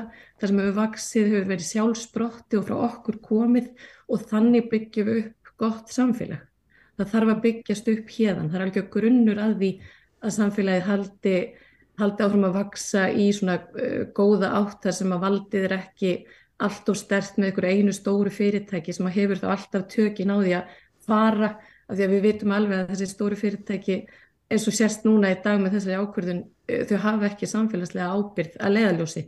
Uh, við vitum öll að síldarvinnslan hefur fullkomið bólmagn til þess að halda út í hérna, þessari fiskvinnslu hefði hún bara áhuga á því mm. þannig að það vil okkur eitthvað halda áfram með þetta mm. En berið þetta Hildur talað um að, að göngi myndu svona uh, gerða auðveldur að laða uh, fjárfesta þetta er svona fjárfestar sem koma þá þannig þannig að þú ert kannski ekki að taka út í það þú vilt ekki endilega fá fjárfesta sem að Já, en ja. ég vil ekki fá svona, þú veist það svo, verður svo mikið valda ójamvægi, það kemur inn eitt svona stórt fyrirtæki sem að strax getur byrjað að svona, hvað ég segja, hvernig svona orðamærða svona múta sig inn í samfélagið eða kaupa sig inn í samfélagið þú veist, eh, þeir eru búin að taka ef ég fæ eftir að koma bara að þú veist, eh, síldarvinnslan og samherji eiga núna bara fisk, miðin okkar og vitum öll hvernig það, það er Uh, síðan eru fiskaldisfyrirtekin búin að egna sér fyrðin okkar og þau fengu og þau mörguðu sér hér land og hafa ekki borgað neitt fyrir það. Þannig að þetta er sko framreiknað, þessi auðlind er 30 miljardar virði. Þetta eru þeir búin að markera sér, eh, engar lög, engin lög og engar reglur ná til þess. Þeir halda bara þessari umsókn eða fá hana, þá er þeir komnir með sko, þeir eru búin að taka auðlindina á okkur á þess að við höfum neitt um það að segja.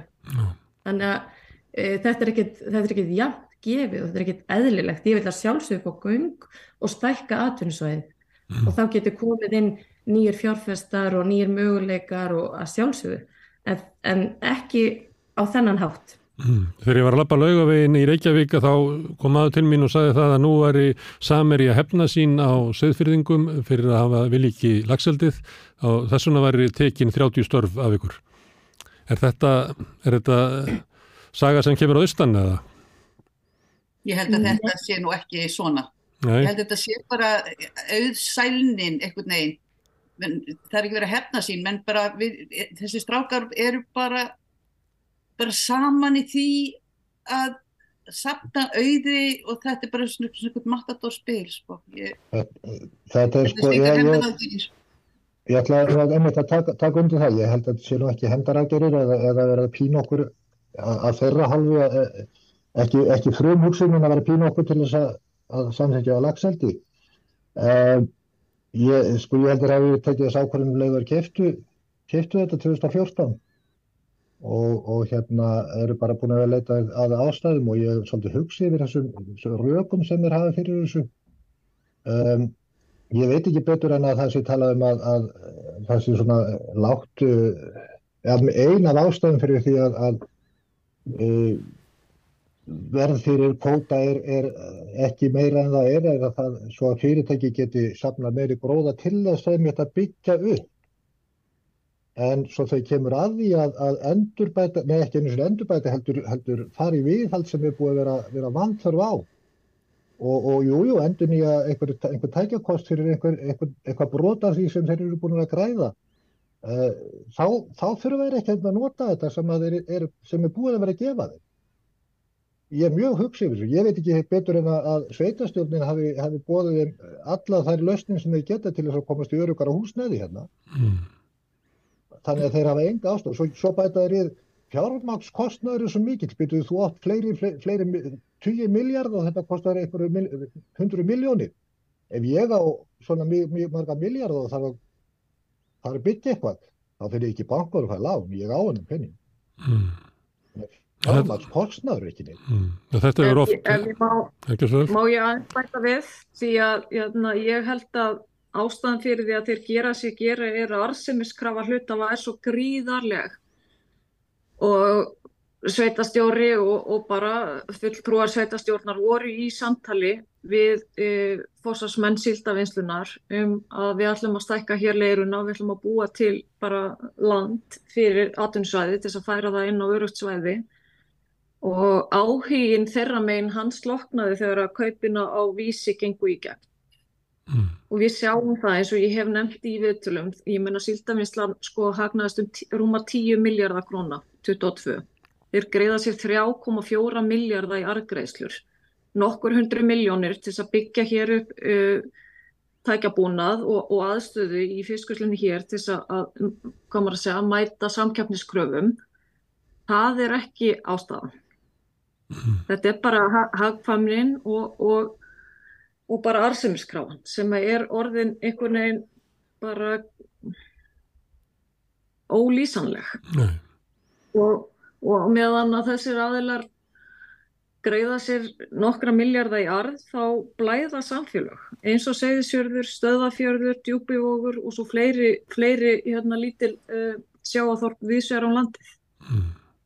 Þannig að þú vísar í Snorri er að, að það sé gott fyrir byggðalögin, þetta er aftur rökin, það sé gott fyrir byggðalögin að fá svona tröstan aðila inn í atvinnustassimina en svo þegar á reynir að þá er það yfirleitt, eða svo, í mörgutilfellum svona bjarnagreiði, þetta er húsvikinga segja nákvæmlega þessa sögu að það var hérna talið verið að svo tröst að fá öflugan aðilegin í fiskvislunum sem hafi vísið í, í, í Grindavík og svo þreymar ára setna þá bara fór kótin. Þannig að kannski ættu sveitafélugin að, að íhuga þetta. Stundum er þetta gert með því að, að það séu eignir sem að sveitafélugin eiga, það var þannig til dæmis í Húsavík. Eða kvóti heimamanna sem að fer inn í sem er eiginlega seldur til stóra fyrirtækja annar staðar. Vant, vantar kannski svona að, að sveitafélugin hafi eitthvað meira með að gera. Fyrir einhverjum árum gáttu sveitafélug gengið inn ef að varu verið að selja kvóta út úr byggðarlegin og kiftan Eh, er þetta eitthvað sem maður mætti hugsa? Hvernig uh, sveit, uh, bæirnir geti varið sig? Já, auðvitað á pótin ekkert að vera já hann, þetta kerfi er náttúrulega bara svo nýði vittlust að þetta framselja kóta og, og, og fara með, með kóta sem er, er keiftur hér og fara með hann síðan bara sögur það er náttúrulega binda kóta við byggðalögin Já. Það var í, það er í lögunum um stjórnfisk uh, hérna, fiskistjórnunar lögun og lögunum að, að hérna, markmið þeirra sé að, að tryggja byggð kringu landið. Jújú Mér langar að bæta við sko að meðan að leikreglunar eru svona og það er náttúrulega alþingi sem að setja leikreglunar þá geta þessi fyrirtæki bara haga sig með þessum hætti og við höfum bara séð að gerast aftur og aftur og aftur. Það sem að þessi fyrirtæki nánast bara láta sig hverfa fyrir var laust, hér eru kemnar tíu vikur og þau tala um að milda samfélagslega höggið. Við erum bara í miðju verkefni að byggja okkur upp eftir gríðalar náttúruhanfarir mm. og það er rosalega sárt að sterkasta fyrirtæki hér fyrir austan skuli ganga fram með þessum hættið. Mm. Segjum að þeir hefðu hérna, gefið okkur ár til þess að vinna úr þessu stöðu, bæði starfsfólki, þessum 30 manneskjum og sveitafélaginu til þess að vinna móta þess aðgerðum, þá væru við bara að vinna með alltaf aðra sviðsmynd. En á meðan alþingi breytir ekki leikreglunum, þá bara hald, halda þessi fyrirtæki áfram að haga sem í þessum hætti og við vitum að við erum ekki síðasta sveitafélagi sem lendir þessu. Nei. Og það er náttúrulega bara að ræða það hver er samfélagslega ábyrð fyrirtækja sem að, að stór græða á auðlindinu sem við um öll að eiga saman. Aldrei samanlítið, það er bara vitlu skefið. Það er alveg þannig, en ég held líka að þurfi bara, veist, að það er náttúrulega skatleggja bara á breyta þessu auðlundagjaldi og veiðigjaldum og öllu því tengdu, en ég held að lítil sveitafélag þurfi líka bara og sveitar e, og alþingi að horfa, e, bara setja, e, hvað ég segja, svona aðstóða sveitafélag betur við það að byggja upp samfélagin sín út frá nýri og breyttiri sviðsmynd. Það eru ótal tækifæri í svona nýjum tækni heimi að byggja upp störf, allt önnur störf. Þannig að ég held að þurfa líka bara einhvern veginn að fara að hugsa þetta þessi upp og nýtt. Mm. Hvort viltu Benedikt að, að sveitafélagin haldi kótonum eða að stórfyrirtæki megi taka kótan og sveitafélagin sé bættur skaðin? Ég bara veit ekki hvort þetta breyta því aftur. Þetta bara, þú veist, það er bara búið að gera þennan mikla skada sem mm. hefur átt sér staður löngu skeður og hefur bara verið að matla og, og koma sveitafélag með þessa opnu skjöldu um, já, uh, já, eins og Hildur nefndi. En uh, sorglegast er að sjá síðan önnur fyrirtæki koma og einhvern veginn eins og Úlvar í söðagjæru og gera það nákvæmlega sama aftur með fiskaldið en ég myndi freka kalla eftir því, þú veist, ef það verður ekkert að breyta því aftur þá verður það náttúrulega hitt bestamál en ég held líka að þurfum við bara að fara að styðja betur við frumkvöla uh, bara að koma góðum háskólum í hvern einasta hvert einasta, sérst á einn góðan háskóla Austurlandi, uh, Vesturlandi uh, það er komið fyrir Norðan og í Reykjavík. Ég held að það verður styrkja flugvellina. Það er bara að gera svo margt miklu betur í bara byggðastefnu landsins. Upplifið þið að, að segðfyrðingar og kannski fólk almennt út á landi að það greiði svona meira til ríkisins heldur en það fái að, að, að peningarnir fari eitthvað annað að, að, að segðfyrðingar og fólk út á landsbyðunum fái ekki svona sangjarnan hlut í sambandi við stuðning, fjárveitingar uppbyggingu frá ríkisvöldinu okkar svona samilega sjóði. Við erum alltaf þreytt á því að það sé litið á okkur sem einhverja törvalinga þegar það likur fyrir að við leggjum sko virkilega drjúan sker til þjóðabúsins. Er svo það gleymist. Auðvitað erum við dýrt samfélag, við erum ekki mörg, við erum 650 manneskjur og við, kostum samfélagi en við leggjum svo sannlega líka með okkur að borðinu. Já, það er það sem ég er að spyrja um hvort að þið upplifið að þið fáið ekki sangjarnar hlut tilbaka með að hvað þið leggið inn. Mér langar nefnilega að benda á mjög aðdeklisverða skýslu sem að fyrirtæki Analytica vann uh, nýverið með uh, aðstof Östubrúar. Ekki Cambridge Analytica, ekki Cambridge Analytica, mannstu getur því sem það var fyrirtæki sem að stóði í svona kostningasvindlutum allan heim. Nei, þetta heitir bara Analytica. Já. Þetta er Analytica og þetta er Íslands fyrirtæki Já. og uh, þeir tóku saman sagt, bara hvað Östurland er að skila skila hérna, til ríkisheimilisins uh, og hver austurningur er að meðaltala að skila tífalt á við landsmenn í, í öðrum fjörðangum. Tífalt. Og við erum sko rúmlega 11.000, við erum sko undir 3% landsmanna Þannig að, að það er algjörlega ljóst og við erum ekki að fá tilbaka það sem við erum að leggja til þjóðabúsins og, og okkur finnst það sárt að, að það sé verið að draga það árum og jápil áratugum saman að fara í nöðsilegar fjárfestingar eins og að byggja hér uh, fjörðaragöng, uh, aksarveg, byggja hér upp eigilstaflugull og svo framvegis. Mm. Þannig að, að viljin virðist ekki vera mikil uh, þegar að tilkemur að byggja hér upp almeila innviði. En heldur að hverju ska, eh, skaffa Östuríka svona mikið? Hvað? Þetta er álið og fiskurinn fyrst og fremst og svo ferðarfjánst. Herðu, eitt í þessu að því að sem að var vera að ræða áðan um hérna, störfin sem að fara og, og, og það hefur komið fram hérna að, að, að samfélagi hefur verið að gefa eftir, það hefur verið fólksvekkun, síðan verðið fyrir náttúru hamförum og miklu áfalli. Og þá býst ég við að hver fyrir sig íhugi sko er þetta þess virði? Á ég að, að fara eða á ég að vera og taka þátt í að byggja upp samfélagið eh, staðstíðaðilinn síldafinslan ákveður að fara en eh, er þetta eitthvað sem að eh, mátti svona greina í, hjá fólki að það væri svona að vera íhuga eða sko Er það þess virði að, að búa á, á seyðisfyrði undir þessar rókn? Eða var það bara, bara almennt, þá voru allir á því að, að halda áfram? Ég held að þetta hefði komað okkur í opna sköldu þó að svona, þegar maður lítur í baksínspeilin þá sér maður að það er búið að vera, það, þeir sem haldum stjórnvölinn hafa séð eitthvað að leiki fram í tíman en ég held að fólk sem er að búið að vera að gera í stand húsin sín og það vera að byggja nýjar íbúður og stík, það reiknaði með því að geta verið hér áfram og í sæmilu öryggi. Þannig að þetta er sjokk, svona onni önnur áföll, sannlega. Mm. En ég veit ekki hvaða losið þetta kemur á samfélagi núna. Fólk, ég, maður finnur bara fólki er svolítið um, svona ringlað, veitu hvað er í gangi? Hvað næst? ég meina það, það er ekki grín í, í litlu samfélagi að það er 30-40 manns vissa vinnuna og, og, og þetta fólk á maka og börn og, og fjölskyldur og þetta er bara rosalega óöryggi sem er held yfir byggðalegi. Mm. En mér finnst samt ekki alveg rétt að samfélagið hafi, þú veist, þetta er náttúrulega algjört sjökk að fá þessi tíðindi núna, en að samfélagið hafi verið að gefa eftir finnst mér ekki alveg rétt. Mér finnst samfélagið runni verið, hafi verið á uppleið, húsnæðisverð held ég hækkaði ykkur mannstakkarski já, já einna mest bara landsvísu á segðisfyrði mm. í síðustu tölum það er nú sannlega vísbending um að hér sé mikil eftirspurn eftir að vera hér.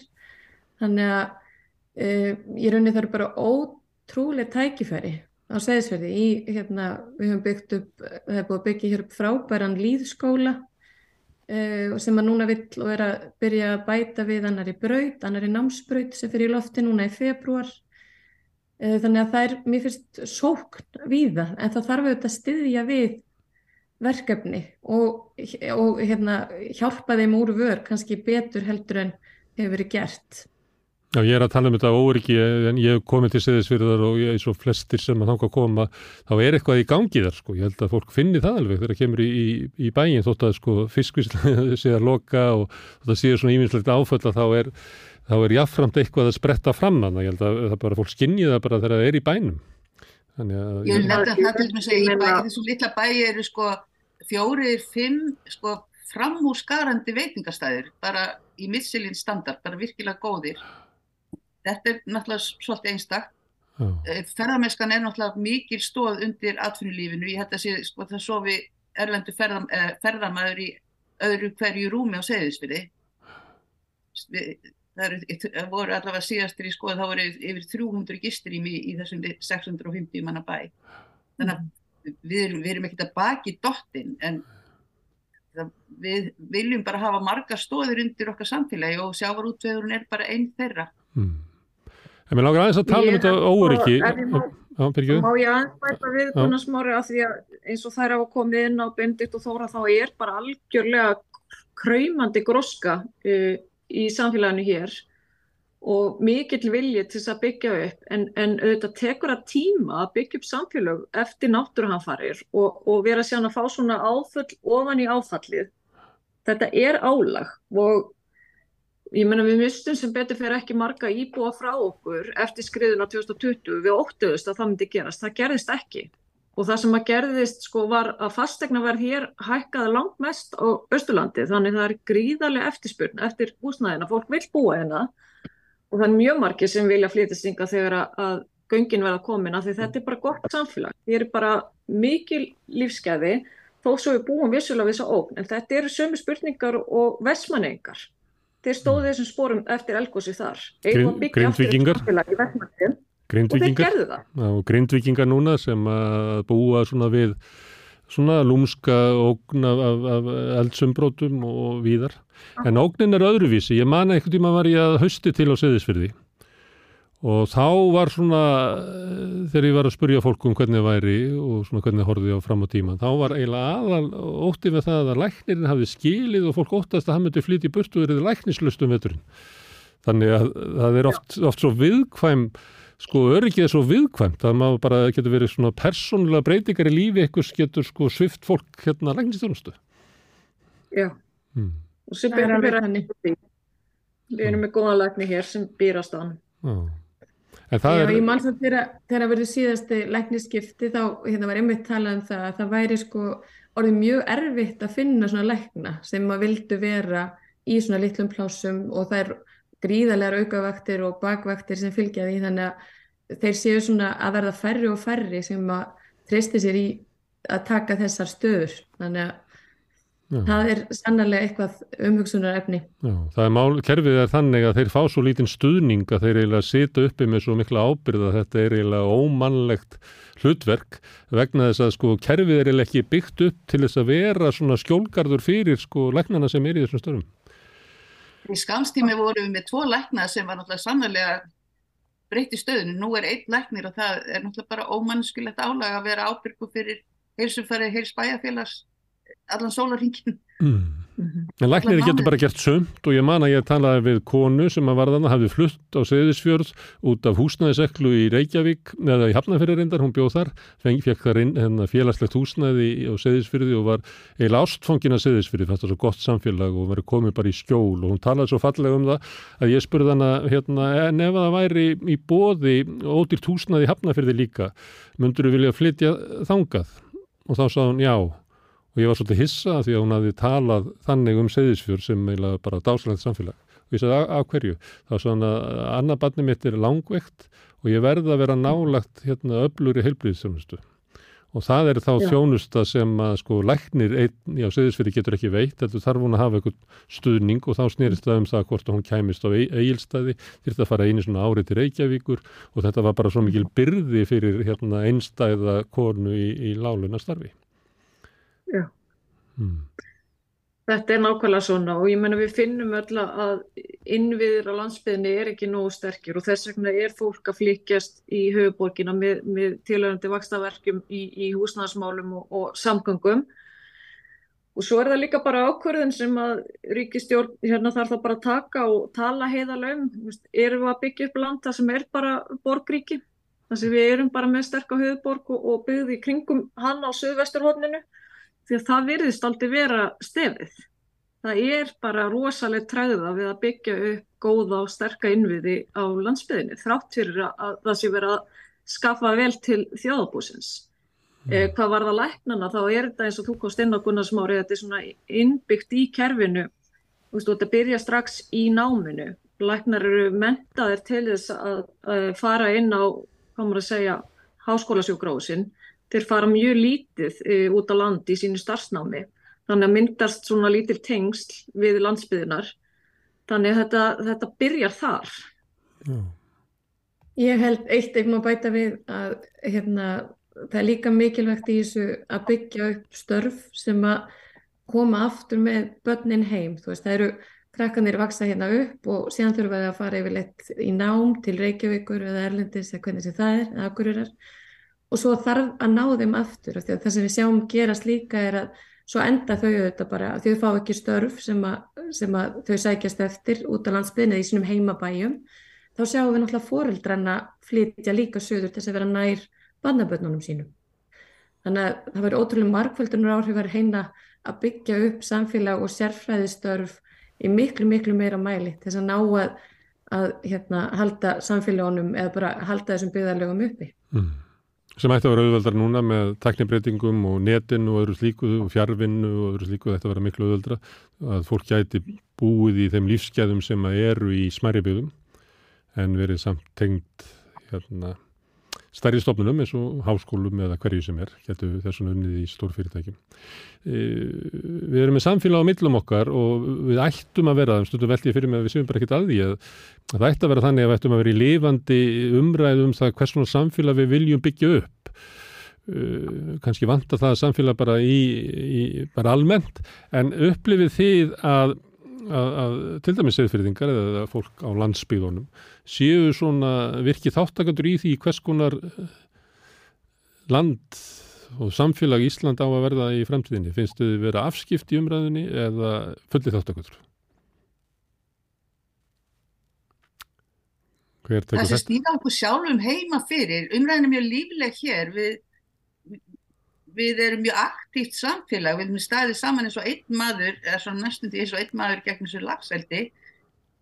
Við erum sammálum það að þessi ósvinna leggja niður fristíhúsuð okkar, þannig að það sem snýra okkar eigin samfélag, þar eru við bara með okkar góður öll, en hún heyris kannski ekki alveg inn í þetta nýja samein eða sveitafélag múlaþing. Mér finnst, þess að ég stutti þá saminning á sínum tíma, en mér finnst við jafnvel sko vera að fara í, úr sko frekar misöfnuði hjónabandi og jafnvel yfir í ofbeldi samband þegar sveitafélag okkar stiður okkur ekki, okkur 75% íbúa í því til dæmis að vilja ekki menga fjörðin okkar með lagseldi og bróta fjölda laga vitalög og fjarskiptalög, ég veit ekki hvað að við skulum ekki hafa einarðan stöðning fólksins sem lofað okkur að við gætum haldið áfram að hafa okkar rödd og þeir eru á okkur hlusta að það eigi bara að eiginlega hjálpa þessu norska loksendisfyrirtæki og Jens Garðar sem er þeirra e, svona hlaupastrákur að það er bara stiðjan í því að fara gegn vilja okkar íbúana. Þarna erum við að missa tökin á samfélan okkar og það verður að þakka niður í okkur. Það er mist valdi frá okkur já það verður að taka valdi frá okkur. Svo að tíðin við vorum bara kaupstæður, þá fórum maður út á bæjarskrifstöðu, settist niður með Jónas eða Þorvaldi eða hvers nú var bæjarstjóri og maður hafði áheyrt og það var hlustað á mann og það, en mér finnst við doltir lömuð gagvart valdinu upp á hér að því. Það var, tilraun, það var tilraun í þessari saminningu að búa, uh, mæta þessu sem þú ert að lýsa sem að hefur verið svona bitur reynsla við marga saminningar að, að minni staðirnir uh, hérna missi völd og upplifi það að, að allt vald flytist yfir á stóru staðina sem að ráskast með, með fólk. Að það var, þegar tilraun með það var heimastjórnir, uh, er þetta ekki heimastjórn? Jú, það ekki verkað það? Ég hugsa að þurfum við líka aðeins að laga stöðu heimastjórnarina til formaður heimastjórnar er til dæmis uh, manneskja úr meiri hlutanum, þessi framsóknar sjálfstæðist meiri hlutanum á héræði. Hún er formaður heimastjórnar. Uh, þetta er sannlega aðbygglisverð til raun en hún, við finnst þú kannski ekki alveg virka. Við heyrum ekki, ekki nógu mikið í heimastjórn. Ég, held að við þurfum aðeins að styrkja það batteri. Hvað segir þið hinn um, um saminninguna og stöðu segðfyrðinga inn í inn í múlaþingi og áhrif þeirra á svona, þær ákvarðanir sem eru teknar í, í nærsamfélaginu og kannski á þróun samfélagsins.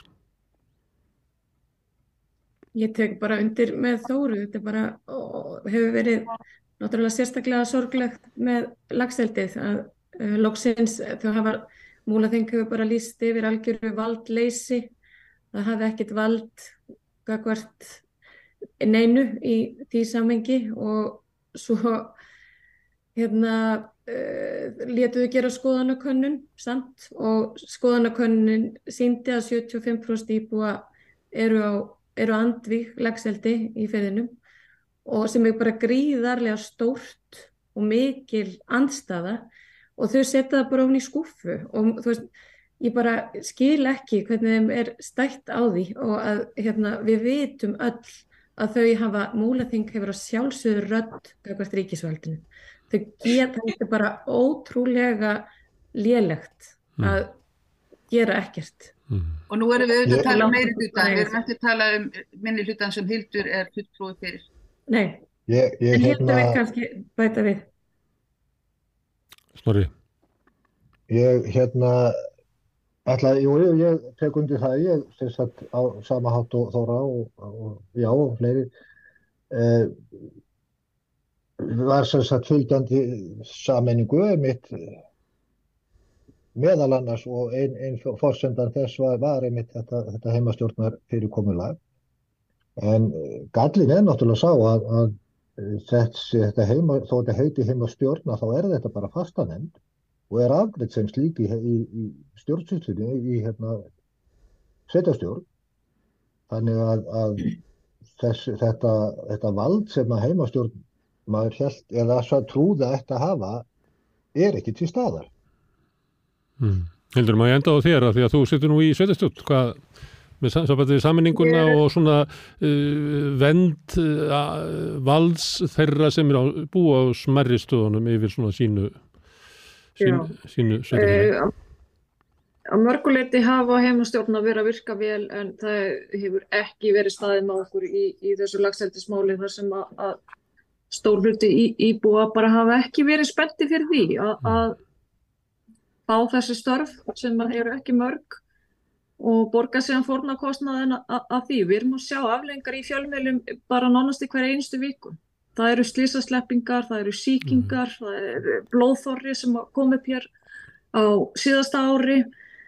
Uh, við erum að, að gefa heimildir sem eru seldar fyrir miljardar í Nóriði, þannig við, við erum að selja okkur ódýrt, eða mætti orðaða þannig, hér á Íslandi. Þannig að það er svo margt gaggrinni verðt við þetta og svo náttúrulega kom út uh, skýrsla uh, ríkisendurskoðanar uh, ef ég mann rétt. Það sem það var bara staðfært sem ég á búið að segja. All umgjörð og eftirlit með þessar atvinnugrein er bara í algjörum mm. ólestri.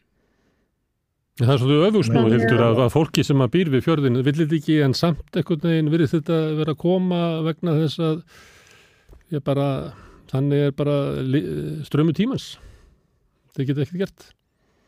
Já, lögin er líka bara þannig skrifuð að, að við, við getum ekki stoppað þetta af með góðu móti. Það er bara alltaf ríkisins og, og ráþerra að, að gefa leiði fyrir þessu og við höfum gagnum það sem sætafélag. Okkur finnst það algjörlega ótækt að við, við höfum svona lítið um þessi mál að segja. Mm. Samt sem áður hildur þá einmitt í kjölfar svörstu skýslunar Þá fórum við í félagin okkar sem höfum verið að fronta þessa baróttu fyrir stefnfyrringa, fórum á fund eh, stjórnskipunar og eftirlitsnemdar og uh, bara sögðum að, að þetta strandsvæðskipula sem væri bara býða samþyktar væri nákvæmlega eins og allt sem við verið að lýsa í þessari svörtu skýslu og uh, fórum á þeim fundi og, og báðum um að bara það er rannsakað, gerð þessa strandsvæðskipulags þar sem allar kvíjar ná, voru nákvæmlega settar upp eftir beðinni fiskeldisfyrirtækisins. Uh, þegar ég sóttist síðan eftir svörum úr því hvort að verið einhver möguleiki að þetta er eitthvað rannsakað, þá fekk ég þar uh, þau svör að fulltrúar múlaþings hefðu lappað inn og fundið á eftir okkur og sagst ekki alltaf stiða segðfyrringa, hvert á móti. Mm -hmm. Það var ekki að heyra á þeim að þau ætlaði að stiðja segðfyrringa. Mm -hmm. Þannig að þetta er sannarlega verið að tala þarna á móti segðfyringum beint til ríkisvöld. Mm. Okay, sem er náttúrulega algjörlega fyrir neðan allar hellur. Mm. Okkar eigi sveitastum standi ekki með nýðustöðum skoðanakonur sem þau sta, sjálf standa fyrir og ætti að treysta. Mm. En það er ekki neitt sem að þessu verður ekki, það verður ekki undu ofan að þessu, það er ekkert brexit segðisfjörðar út úr múlaþingi á, í kortunum? Nei, má ekki, má, þetta hjónaband maður má ekki skilja. En það er samt smá eftir í þessu, það er hérna, það er náttúrulega, þetta strandsvegarskipulag uh, er núna, hefur verið, við höfum sendið inn kvörtun til umbósmanns alþingis og býðum eftir því að hann skeri úr og hvort að hann sjáu eitthvað, eitthvað, eitthvað brotalum þar. Uh, það myndi að hafa áhrif af því að þetta, þessi fjörður er, hann er þröngur og hér er farið strengur og hér er siglingarleið og uh, við byndum einhverju vonu við að, að hérna, uh, allar upplýsingar sem liggja fyrir frá fiskildisfyrirtekinu þá í þeirra umsóknum uh, miða við all, allar ofnbæra upplýsingar þá kemst, komast þessar sjókvíjar ekki fyrir. Þeir, mm. það, það hafa þá einhverja breytingar orðið á þeim búnaði og þeim leiðum sem þeir að fara í því að koma þessu fyrir til að fylgja öllum lögum. Þannig að það er uppsynga allavega líka ekki fyrir. En síðan auðvitað bara verðum við að sjá hvort að íbúðalíðir verði virt og hvort að verði eitthvað hort til þess mm. að 75% íbúða vilja ekki sjá þetta. Var það ekki þannig fyrir svona meirinn öld að, að norðmenn komu til ykkar og hérna voru með kvalavinslu og þegar það var búið þá fóruður? Þannig að það að gætu... Það voru reyndar bandaríkjumenn sem voru hér Já. að veiða kval og breyða bræða spík. Normin komi hérna því að þegar þeir voru að selja okkur timpur í hús þá sáðu þeir að fjörðurinn kröymaði að sílt og, og settist hér að til að veiða hana. Hún var svona driftkrafturinn í bænum til að byrja með. Já, og fóru svo, þannig að það geti verið að endur taka það saman með lagseldið að normin kæmu og... Það, var nú ekki, ég held að það nú fyrst og næst verið Reykjavík og valdi sem var trándur í götu því að þeir bönnið okkur, uh, ég held að verið 22 að hafa öll sam, viðskipti að hafa nokkuð viðskipti við erlenda sjóminn og þetta hefur náttúrulega verið kaupstaður og miðstöð þannig að það var bannahögg og svo bara kom heimskreppan og allt það. Ég vil ekki klína því á normin að þeirra við flúða holmi. Herðu, kæra þakki fyrir að koma hérna á Rauðaborðinu, kæru sefyrðingar og ræða um bæin ykkar uh, Hildur, Þóra, Snorri og Benedikta Kæra takkir og við ætlum að skipta. Takk um að smári, takk fyrir að veita okkur aðtegli. Og við ætlum að snú okkur að næsta máli hér við Rauðaborðið eftir augnablik. Komið sæl og verið velkomin að Rauðaborðinu. Ég heiti Otni Eir og til mín er komin Björg Árnadóttir. Hún er rítöfundur, ríðlistarkennari, bladamadur og einhvers konar samfélagslista rannsakandi má segja. Eða já, hún hefur verið að þróa aðferðir síðastliðin ár til þess að uh, vinna að valdeflingu þeirra sem eru á einhvern hátt jaðarsettir, ef svo má segja og, og kannski gefa, hjálpa við, til við að gefa rött þeim sem af einhverjum ástöðum klíma við rattleysi eða er þetta ekki einhver, einhvers konar rétt lýsing hjá mér? Jú, þetta var mjög stórbrotin lýsing á því sem ég er að gera. Takk fyrir hana. Já, Já. getur þú kannski byrjað á að segja mér frá aðeins þessu, þessu starfiðínu uh, svona með þessum Já, þessu orði, þessu, þessu jaðar já. setta. Fyrst er þetta að vera orð sem fólk þekkir ekki? Jú, já, ég veit það ekki satt besti, kannski, ég finnst svona eins og þessi orð sem er alveg mikið notað ég að vel jáðarsett, en ég bara um, ég kannski segja það svona asnalega því mér finnst svolítið eins og þetta sé geta orðið eitthvað um, skrítið að segja jáðar, jáðarsett miða við hvað og hver er að jáðarsett mhm, eitthvað svo leys, en þetta lítur að vera bara einfalt, þeir sem eru uh, út á jáðri uh, samfélagsins af einhverjum ástæðum þar að segja, er það ekki? Jú, hver er, eða, sko, er eða sko þegar ég var að byrja að vinna í þessu og bara alveg þangast til fyrir svona tíu árum töluðu við um jáðarhópa mm. en núna er talað um jáðarsetta einstaklingahópa af því að fólk velur ekki sjálft að, að lifa á jáðrinum heldur er það við hinn sem að ítum þeim sem eru öðruvísi og já, á einhvern nátt út á jáðarinn Og þegar þú segir við hinn, þá viltu meina það að þú sért ekki í aðarsett, það er að segja... Um, má ég koma því á eftir? Já, stórspurning. En, en sem sagt, eh, eh, þú ert búin að vera að vinna með, hver, hverjir eru þá í aðarsettir? Sko, má ég kannski byrja að segja frá hvernig ég lendi í þessu. Já. Það hann í 40 ár síðan. Ég var nýflutt til Norður Svíþjóðar, til Applands og fekk vinnu í svona uh, mjög merkilegri stopnun sem hafði það hlutverk að reyna að koma í veg fyrir fólk, fólksflóta frá Lapplandi af því allir vildu söður, sérstaklega konur. Og það var gert með aðferðin listana og þar voru til dæmis rítöfundar og kveikmyndagerðamenn að þróa uh, það að nota sín, sína tjáningarmiðla til að fá fólk til að tjá sig um sig sjálft og lífsitt og uh, þarna kynntist ég til dæmis rítlist, ég var myndlistarkennari en varð rítlисtarkennari þarna.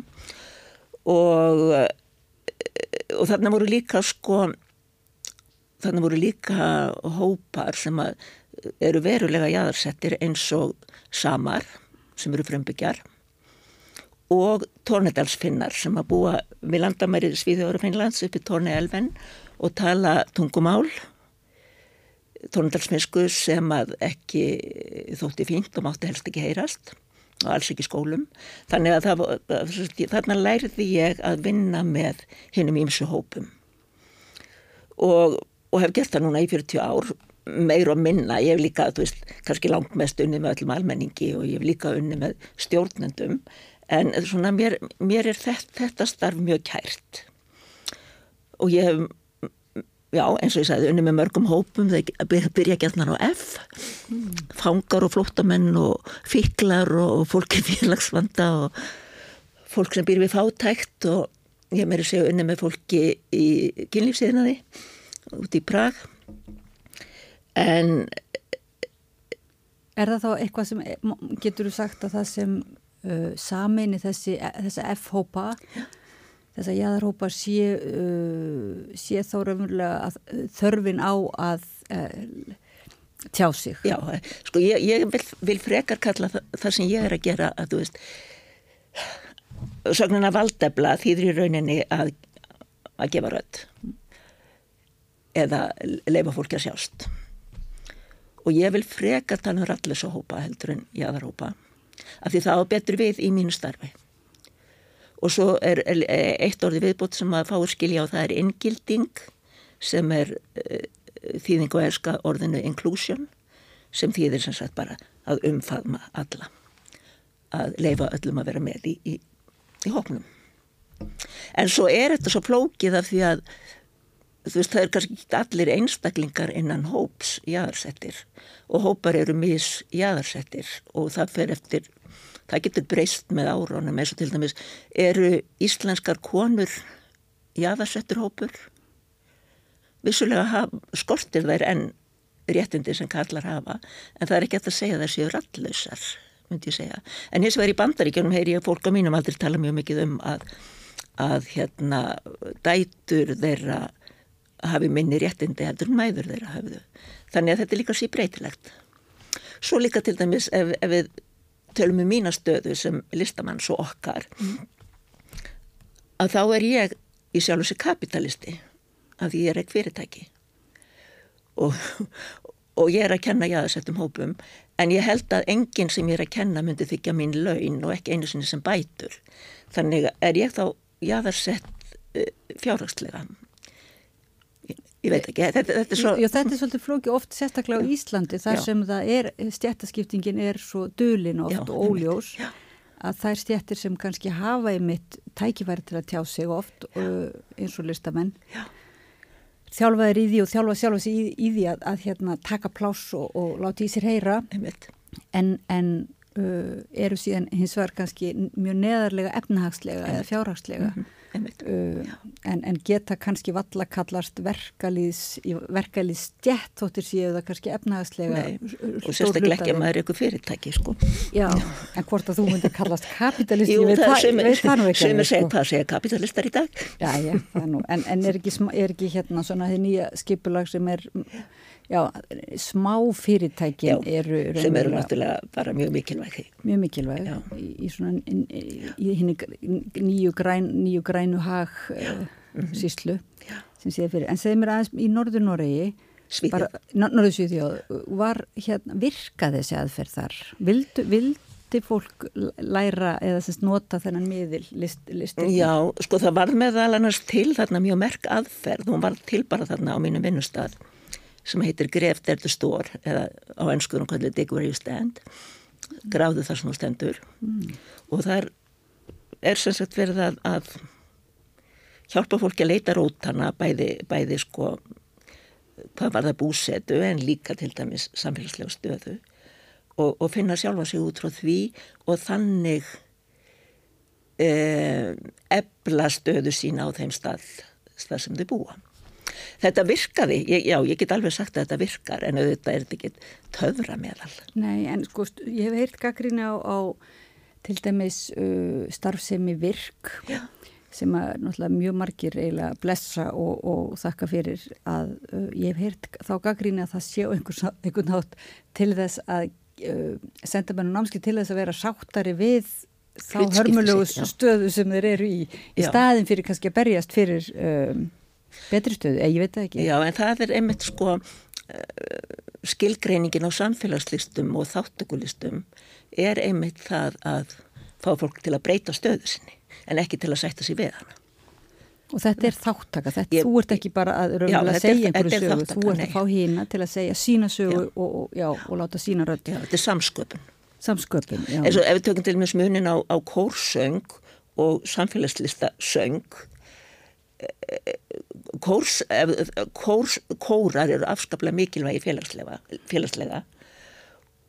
Og það er endur kórsöngur en þegar þú mætir á kóraæfingu þá gerur það sem að þér er sagt.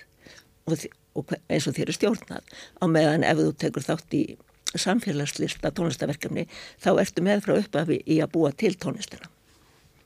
Já. oft út frá þínum þínum þörfum og löngunum og, og hérna áhugamálum þetta, maður sér alveg að þetta getur bara farið út í vittlesu þegar allir fá að ráða og... Nei, þá nefnilega þarf fólki sem kann að stjórna því. Af því að það er náttúrulega alltaf einhver stjórn, sko. Þetta Já. er ekki anarkismi. En uh, hva, hvers konar aðferðir eru þetta helst sem þú hefur verið að nota núna, sko, á Íslandi? Já, ég er búin að taka þátt í Evrópaverkefnum í 20-30 ár og hefur verið að læra ymsar aðferðir. Og svo sem ég hef líklega að nota mest er uh, hetjuferðin, The Hero's Journey og ég lærði hana sem, sem frásagnaraðferð af því að hetufjörðin er sko hún, hún er kent við bandarískan góðsagnafræðing sem heitir Joseph Campbell. Og hann var sá sem að sem sagt uppgötvaði hana, gaf henni nafn og rannsakaði góðsagnir heims út frá kenningu sinni. En hetjuferðin á sér samt engan þekktan uppbruna þessi aðferð við að segja sögur heldur hefur hún bara verið til frá örófi aldar síðan við sátum við eldana og uppgötuðum að, að sagnalistin hefur þennan geyslega umbreytingamátt. Og þetta er snýst um umbreytingamátt en að sjá eh, sem sagt sína eigin sögu í stærra samengi mm. og, og, finna raunverulega já þessa svona göld, þessi göldróttu augnablík, umbreytingar augnablík í sína eigin sögu en þetta er líka, er það ekki, er þetta ekki líka byggt á þess að rústensku fræðimönum og þessum sem að voru raunverulega að líta og á sálfræðingurum jung sem var að skoða okkar arfleifð, okkar, okkar sögu mm -hmm. og komast að því að við, það væru eitthvað svona, það væri alltaf svipuð mm -hmm.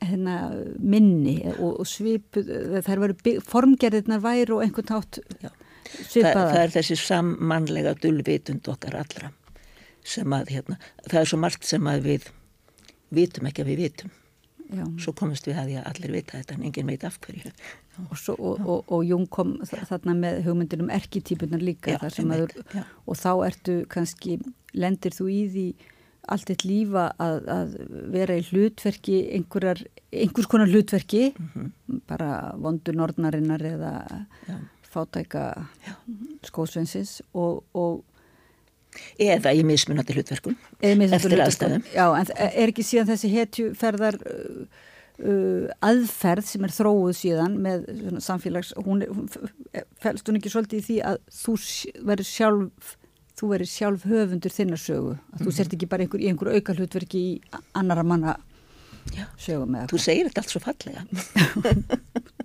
Ég er að reyna að læra þetta bara. Já, en ég sko en ég, sérst uppaflega lærði ég um hetjuferðina sem, sem sjálfskoðanar aðferð í einu Evrópuverkefnana og en síðan fór ég að nota hana sem, sagt, aðferð til að kenna rillist að segja sögur á ákveðin hátt. En er núna komin aftur í sjálfskoðanar þáttinn. Ég veit eiginlega ekki á, á hverju ég á að byrja á, ég vil bara byrja á að segja um hvað hetjuferðin snýst. Já. Já.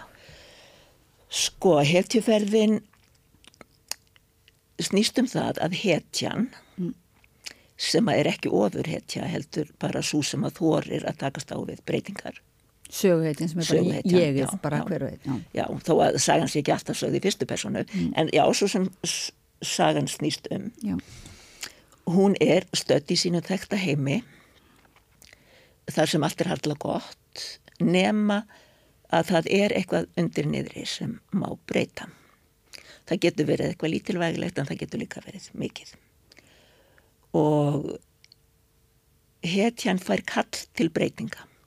Það er líka kall, kallað kall til æventýris og þá er orðið æmintýrið sko í, í svona gamaldagsmerkingu sem er ekkit endilega bleikt heldur æmintýri voru nú oft daldi hræðileg í gamla daga og hún, hún heyri kallt breytinga eða æmintýris og hvað gerum við þegar við heyrum kallið? Eru við fúsa hlýða því? Yfirleitt ekki, ekki strax. Þannig að við streytumst á móti og þykjumst ekki heyra kallið. Kallið getur verið sko lítið að stórt það getur komið innan frá eitthvað bara sem þú heyrir innra með þér eða þá að þú fær símtal eða þá að þú fær þá eitthvað nátt bóðskapum um að þú er að bjarga heiminum sko, getur verið allt þar á milli. Og hetjan streytist á móti og það eru þarna eins og þú talar um uh, hérna erketýpur sem geta verið góðar, geta verið slæmar eru ímyndst að hjálpa þér að taka rétt ákvarðun eða komið vekk fyrir að taka rétt ákvarðun og það kemur að því að, þú, að hetjan þarf að horfast í augu við sjálfa sig og það sem hindrar hana í að taka skrefið inn í hinn óþekta heim. Og þegar hann hefur gert það þá stýgur hann inn í heim æfintyrisins sem oft er gjör ólíkur ég meina eins og til dæmis Lísa í undurlandi dettu niður um hólu og kemur í gjör ólíkan heim. En hann getur líka verið sko næstum eins og þeim þekkti heimur en þó er, eru ólík element sem þú þarfst að taka stáfið það eru, það eru þrautir og þroskaverkefni. Í ævindirunum er þetta ofta, oft eitthvað þrengt sem heitjan þarf að gera. Og þar eru líka þessar erkitýpur sem hafa áhrif á heitjuna það er til dæmis þekkt erketýpa er mann ekki hvað er kallað á íslensku en það er svona fylginautur sem að aðstóðar hetjun á ferðinni eða mentor. Já. oft er mentorin eitthvað sem er, sem er sjálfur búin að fara í gegnum hetjuferð. Einhvers konar leðsögum og og hetjum fyrir gegnum þessar þrautir og svo síðasta er oft langa erfiðust og er eins konar eldskýrt og á því augnabliki þegar þú hlýtur eldskýrnina þá sérðu allt í nýju ljósi fattar þetta allt í hennu mm. um hvað það snýst og þá hefst umbreytingin á þér sem að allt snýst um að þú náir og í umbreytingarferlinu ferðu í gegnum friðþægingu sem er náttúrulega mjög erfitt heimsbyggilegt hugtak og guðfræðilegt en, en eh, hér notur við það bara um það að að öðlast fyrirgefningu eða fá eða, eða sagt, að fyrirgefa eða fá fyrirgefningu að fara í gegnum einhvers konar fyrirgefningaferli. Einhvers konar sátt einhvers konar sátt, einhvers konar hreinsun. Og uh, við það öðlast í gjöf. Kannski var það það sem þú varst að leita kannski jafnvel eitthvað annað. Og með gjöfina í hendinni stýgur aftur út úr þessum heimi æfintirisins þessum óþekta heimi inn í þinn þekta heim og mörgum finnst það skref ekki síður ókvæmlegt og á náskeiðum þá segir fólk nei, ég vil ekki aftur, ég vil ekki fara aftur í minn þetta heim. En það er mjög nöðsynlegt að gera af því að þú stýgur sem breytt manneskja inn í heiminn sem að var kannski ekki svo góður eða Já, sem þú þurftir að, að fara út úr. Og þú ert með gjöfina og þessi gjöf, ef þetta er alveru hetjuferð, þá gagnast gjöfin samfélagiðinu öllu. Og sem þýðir að samfélagið sér þig líka í nýju ljósi. Þannig að þú ert umbreytt hetja. Ég sá, ég, ég hef nú hlust á fyrirlæstur hjá þér þannig að ég er hérna aðeins undan og þar varstu með svona teiknað, teiknað í ring. Á í sína? Já. Ég bara prenta hann út hann er svolítið krumpaður sko. Já, ég held að sjá. Eða svona, sérst hann svona. Já, ég held það. Já. En það er ekkert að googla þetta bara. Og þarna neðst er sko eldskýrnin, þannig blossanum, Já. er ekki? Jú. En var, var ekki einhvern tíman eitthvað sem hétt hindrunarmestari? Jú, heyrðu, ég gleymi að minnast á aðalatriði, sko, auðvitað myndist ég á hann. Já. Hann er hér, áður en þú stígur yfir þröskuldin úr þínum þekta heimi, Já. yfir hinn óþekta, þá þarf þetta að horfast í augu við það sem hindrar þig. En ég gleymd að segja að í Evrópuverkefninu sem að ég hef tekið þátt í ásamt þremur öðrum Íslandikum, þá kölluðu við Demon of Resistance. Við viljum ekki kalla hann drísil eða djöful af því að það er svo dramatíst en við kalluðum hann hindrunar meistara og það, lík, það var vegna þess að oft eru við sjálf meistarar í að hindra okkur sjálf. Þannig að hindrunarmeistarin er sá sem þú þarfst að horfast í augu við áður en þú tekur skrefið inn í æfintýrið Já. Sem er, já, hann er að hindra þig í að Já. taka þetta skref. Hann er í raunin að hindra þig í að taka breytingum Og þú hefur reynslu af því að fara þessa ferð sjálf. Já, ég hef tvisa sinni farið hana í, sérst, ég hef verið að kenna hann á reillistanáskiðum og það, þetta er mjög, þetta er mjög, hérna, þakklátt munstur að fara í gegnum.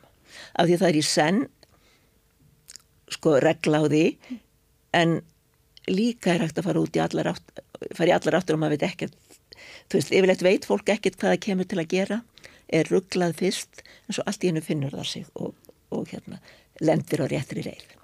En ég fór, fór í gegnum þetta í Evrópuverkefni tvísvarsinnum í gegnum uh, svona þjálfunarsmiðju, hetjuferðar þjálfunarsmiðju, þar sem var unnið með aðferðum uh, bandarísks leikúsmanns, Póli Rebjú, og þetta voru sjö dagar, alveg bara frá til kvölds og fram á nætturstundum og þar sem við fórum í gegnum þennan ring með aðferðum listana, félagsörfunar, eh, skapandi samtala, íhugunar, ígrundunar, eh, frumbyggja aðferða, eh, já, svona ekki staltterapi með hinnum ímsu aðferðum til að, til að við fyndum umbreytinguna gerast í eigin líkama. Og þú hefur fundið hana. Heldur betur. Komst nýmanneski tilbaka. Já, en svona breytingar er maður kannski lengi að skilja. Þannig að kannski var ég aldrei mikið að skilja þær í sumar þegar ég fór í mína þryggjamánaða hetjuferð. Ég fór sem sagt, um, ég fór að þryggjamánaða flakk um Evrópu, uh, Interrail flakk, aðalega um Östurlutan og uh, ferðast með lestum og rútum og, og gisti á hostelum. Og þessi ferð ég, ég, ég þreytist ekki á að tala um hvað getur verið ódýrst að ferðast í Evrópu. Þessi ferð kostaði mig til dæmis ekki meira heldur en það hefði verið að, að vera heima. En, en það er svolítið uh, flókið að útskýra það en ég get sagt þetta dæmi að, að gisting í mánuð þarf ekki að kosta meira en svona 90.000 kall af því að maður fær gistingu alveg nýri tíu efurur Mm. þannig að, að hérna Þú getur tekið að það er að vera leiðsögukonar sko líka í, í raunheimunum, ekki Já. bara í svona and, andlum ég ætla til að skrifa grein um þetta og, og ég elska hostel af því að maður læri svo mikið þar. En, en hérna en í þessari ferðala þá fór ég og heimsótti alla sem voru með mér í þessu verkefni af því að mér fannst svona íminnslegt kannski óuppgert og, og og mér langaði að tala við fólk um hvað það væri að gera núna við aðferðina og svo framvegis. Þannig að þetta var mikil hetjuferð fyrir mig að fara þessa ferð. En en sko ég lærði eða ég hef lært að nota þessa aðferð. Hún er sko, hún er ekkit óumdeild og það eru líka sem er feministar segja að hetjuferð konunnar séu öðruvísi og margir bara gaggrína þessa aðferð en hún hefur reynst mér vel. Og vilt að ég segja þau frá Já, hva, mestu hetjuferð lífsmísi Já, Já. Svo langum að heyra aðeins hvað hva fólki var að gera þetta, hva, Já, já, já. En segðu frá mestu hetjuferð endilega. Já, sko ég tel að mesta hetjuferð lífsmís nú ætlum ég að fá mér vatn Líka. Spennandi Hafi verið fyrir 12 árum þegar ég fór í meðferð. No. og fór inn á vok og það allt saman. Og ef ég segi frá því sem hetjuferð þá var ég bara hetja í mínu þekkt á umhverfi þar sem allt var harlega gott nema að það var þessi undirlikjandi vandi Það er að segja ég fór sko fyrst fyrir 16 árum en það tekur smá tíma að læra þetta. Þannig að það var ekki fyrir hann ég fór fyrir 12 árum sem ég náði hinnum svo kallaða bata. Mm. Og, og þegar maður er að byrja þessa vegferð sem við segjum þá að hafi byrjað fyrir 16 árum þá þá finnum maður náttúrulega allt því til fóráttu að gera eitthvað í sínum málum maður, maður þarf þetta ekki þegar maður eru miklu verri e, og svo finnur maður alla aðstæðanlega skýringar eins og ég sko, eða svona útskýringar afsaganir, ég sagði til við sjálf að mig sko ég get ekki farið að vera tíu daginn á bói og komast ekki í rættina og svona allavega, svona hindrunamistarar aðalega innri en oft er það samt líka ytri hindrunamistarar sem reynilega vilja ekki að fólk hægt að drekka því að þá missur það drikkjufélagin eða eitthvað slíkt. En allavega þá horfði ég loksins í augu við þessa hindrunamistara og tók þetta stóra skref inn á vok sem er alveg gríðarlega stórt skref. En þá, þú veist, þá við vitum að allir sé að gera þetta þá er þetta svakalega stórt skref fyrir hvern mægn og það, það er sagt, sannarlega að taka skrefin í heim hins óþekta hins óþekta og, og öðlast eldskýrnina og... Já, hún kom náttúrulega ekki strax sko. Ég var bara þarna ég bara, var bara þarna og skildi ekkert og, og hérna og hafi ekki hugmyndum að heimurinn væri svona.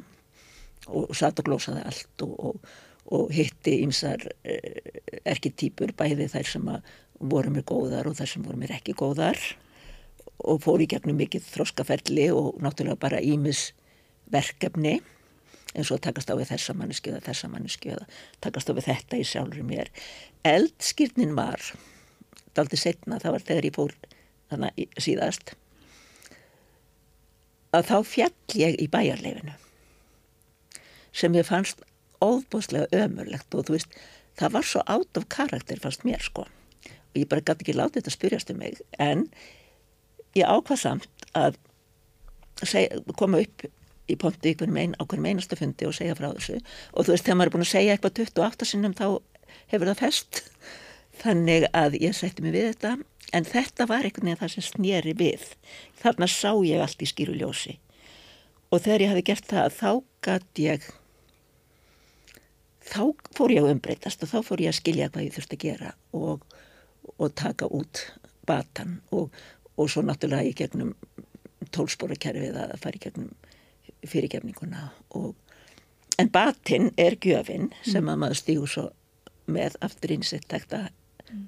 samfélag og í, í þessu tilviki þá er það reynlega hlutverkmanns að miðla honum áfram miðla gjöfina áfram þegar maður kemur aftur heim Með einhverju móti? Með einhverju móti, já. Með, með listum eða með bara, já.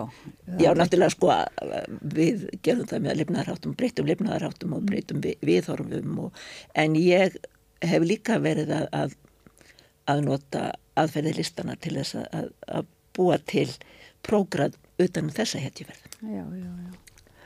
En er ekki sko uh, einhver undirlikjandi hugmynd að það er veikleiki þinn Já sem sagt hetjunar verður þú finnur styrkleikan einhvern veginn í veikleikanum er ekki jú, jú. Þú, eða er það það sem umbreytist líka kannski? Að það sem þú segir sög af sjálfum þér sem lúser og þessum sem er, hérna, er alltaf að mistakast og alltaf að og fellir í bæjarferðinni og þú þartu auðvitað að segja þá sögu eins og hún er, það er einhver sannleiks svona, eins og við krefjum allir þrállum þess að bara stjórnmálafólk segi bara hlutir eins og þeir eru og sannleikan já, já, já, til þess að þá sé hægt að hérna, breyta einhverju.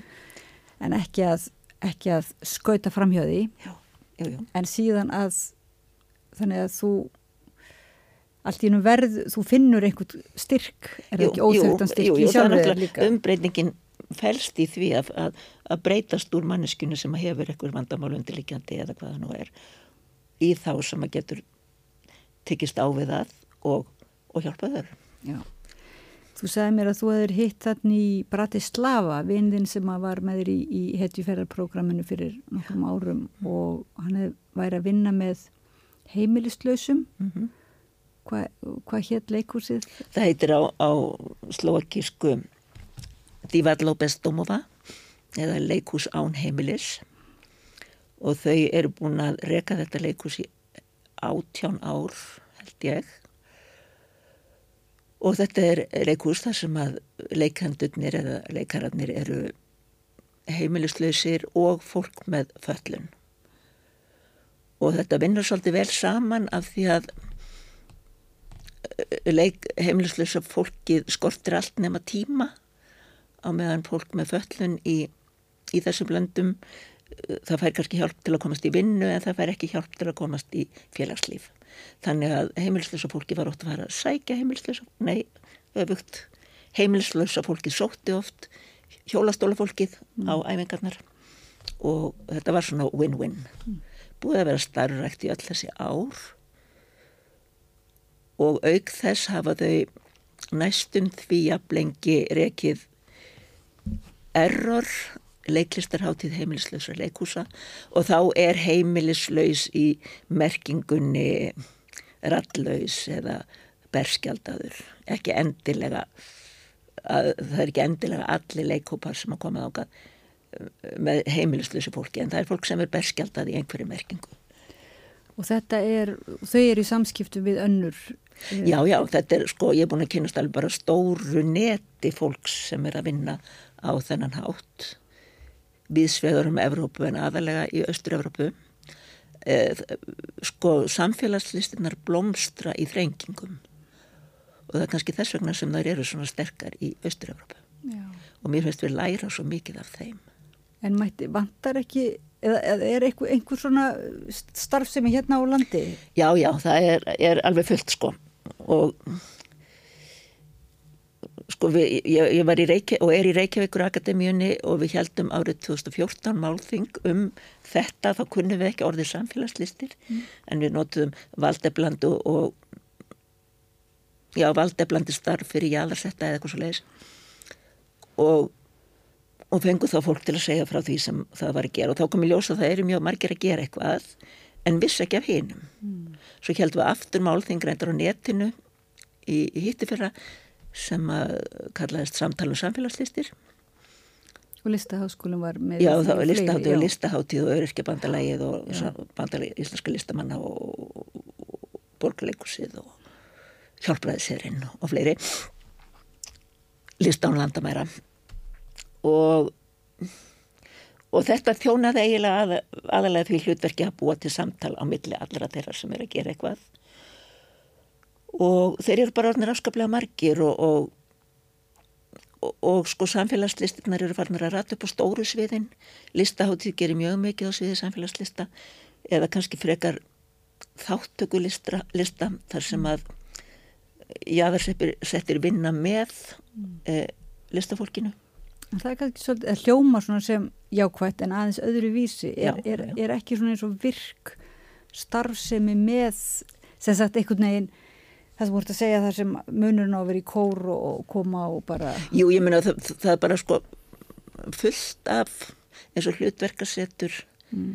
uh, hlutverkasettur fórum einu sinn með mér til, til Bratislava með síningu uh, það eru bara mjög margir að gera eitthvað en það, flest af því kannski er ekki mjög ábyrrandi listan landamæra er orðið mjög ábyrrandi Hvað mætti, hvað, er einhver svona fyrirstað, er einhver, er einhver hindran, hindrunamistarar? Jú, í, það er hérna? alveg fullt af hindrunum og í fyrra haust voru til dæmis haldin fjögur málþing á mjög söpum tíma mm. um þessar hindranir. Já.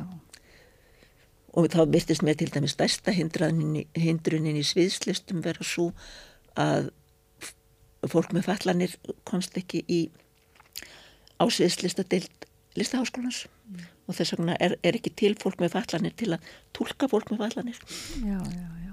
en, en sagt, stór hindrun. ég, þú veist, ég þóri alltaf að tala um þetta því þetta er svo stórt sko.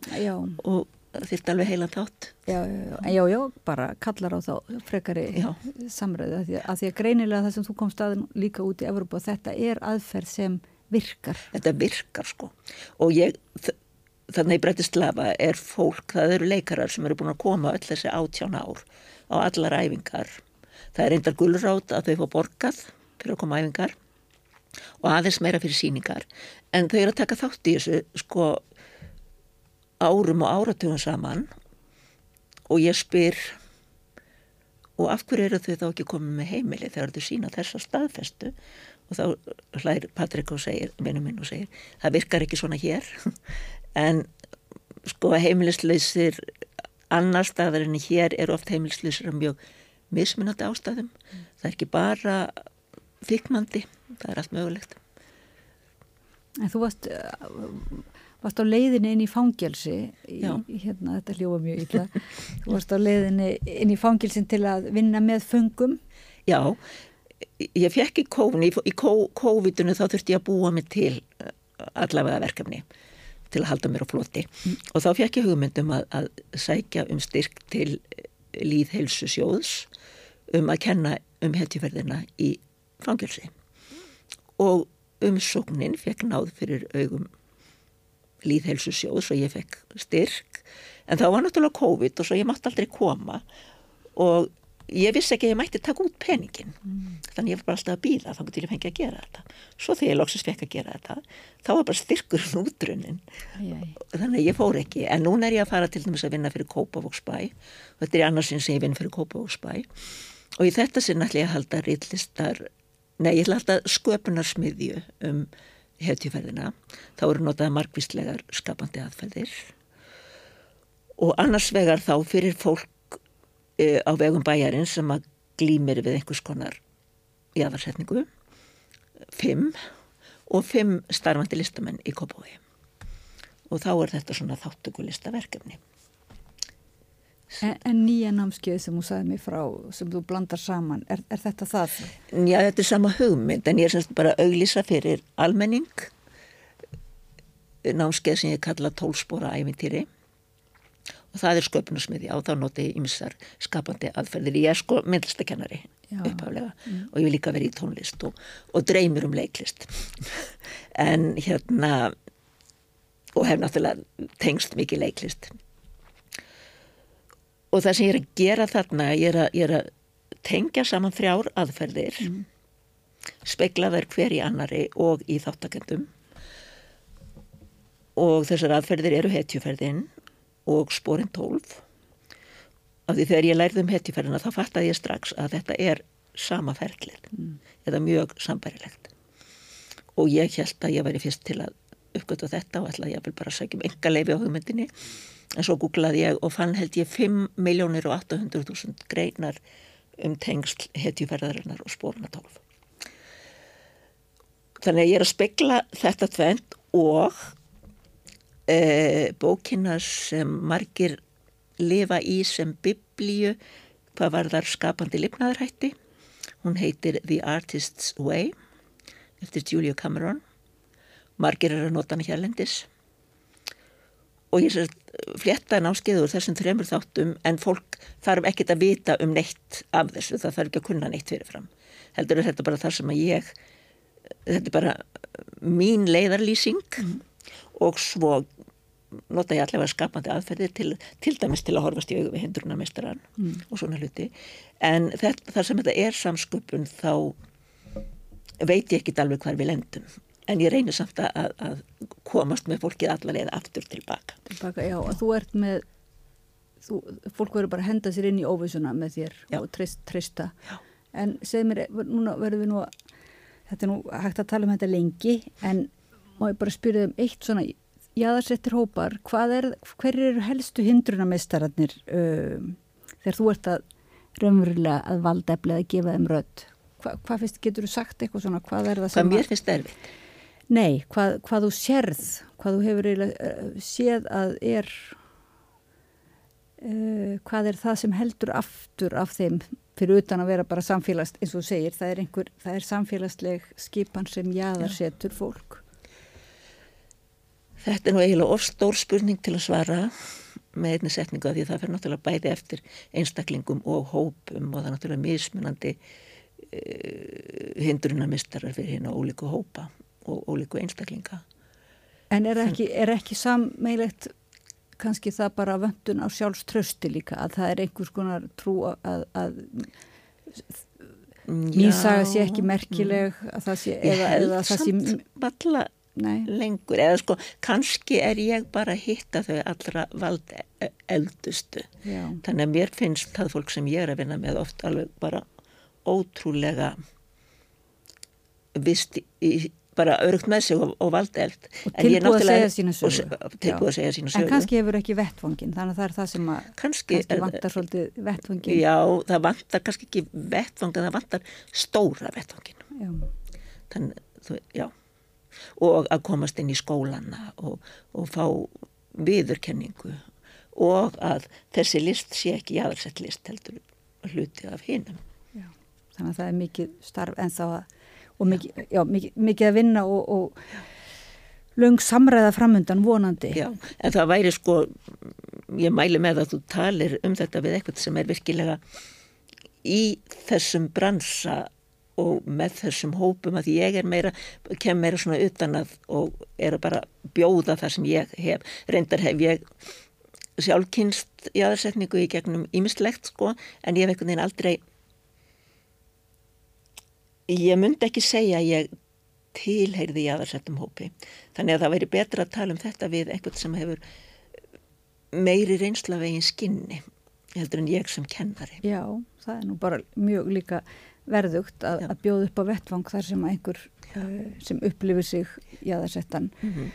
En þá þarf, segir sína sögu, Já. en hérna, og við erum að reyna að gera það hérna á samstöðinni, mm -hmm. en það er náttúrulega þarf þá líka þetta einhvers konar hugreiki til þess að koma fram. En þakkaði kærlega fyrir Björg Árnadóttir, uh, rittöfundur, ritlistakennari, bladamadur og stílvopsmundandi. Og takk fyrir að segja okkur, leið okkur inn í hetjuferðina og óvissuna. Takk fyrir.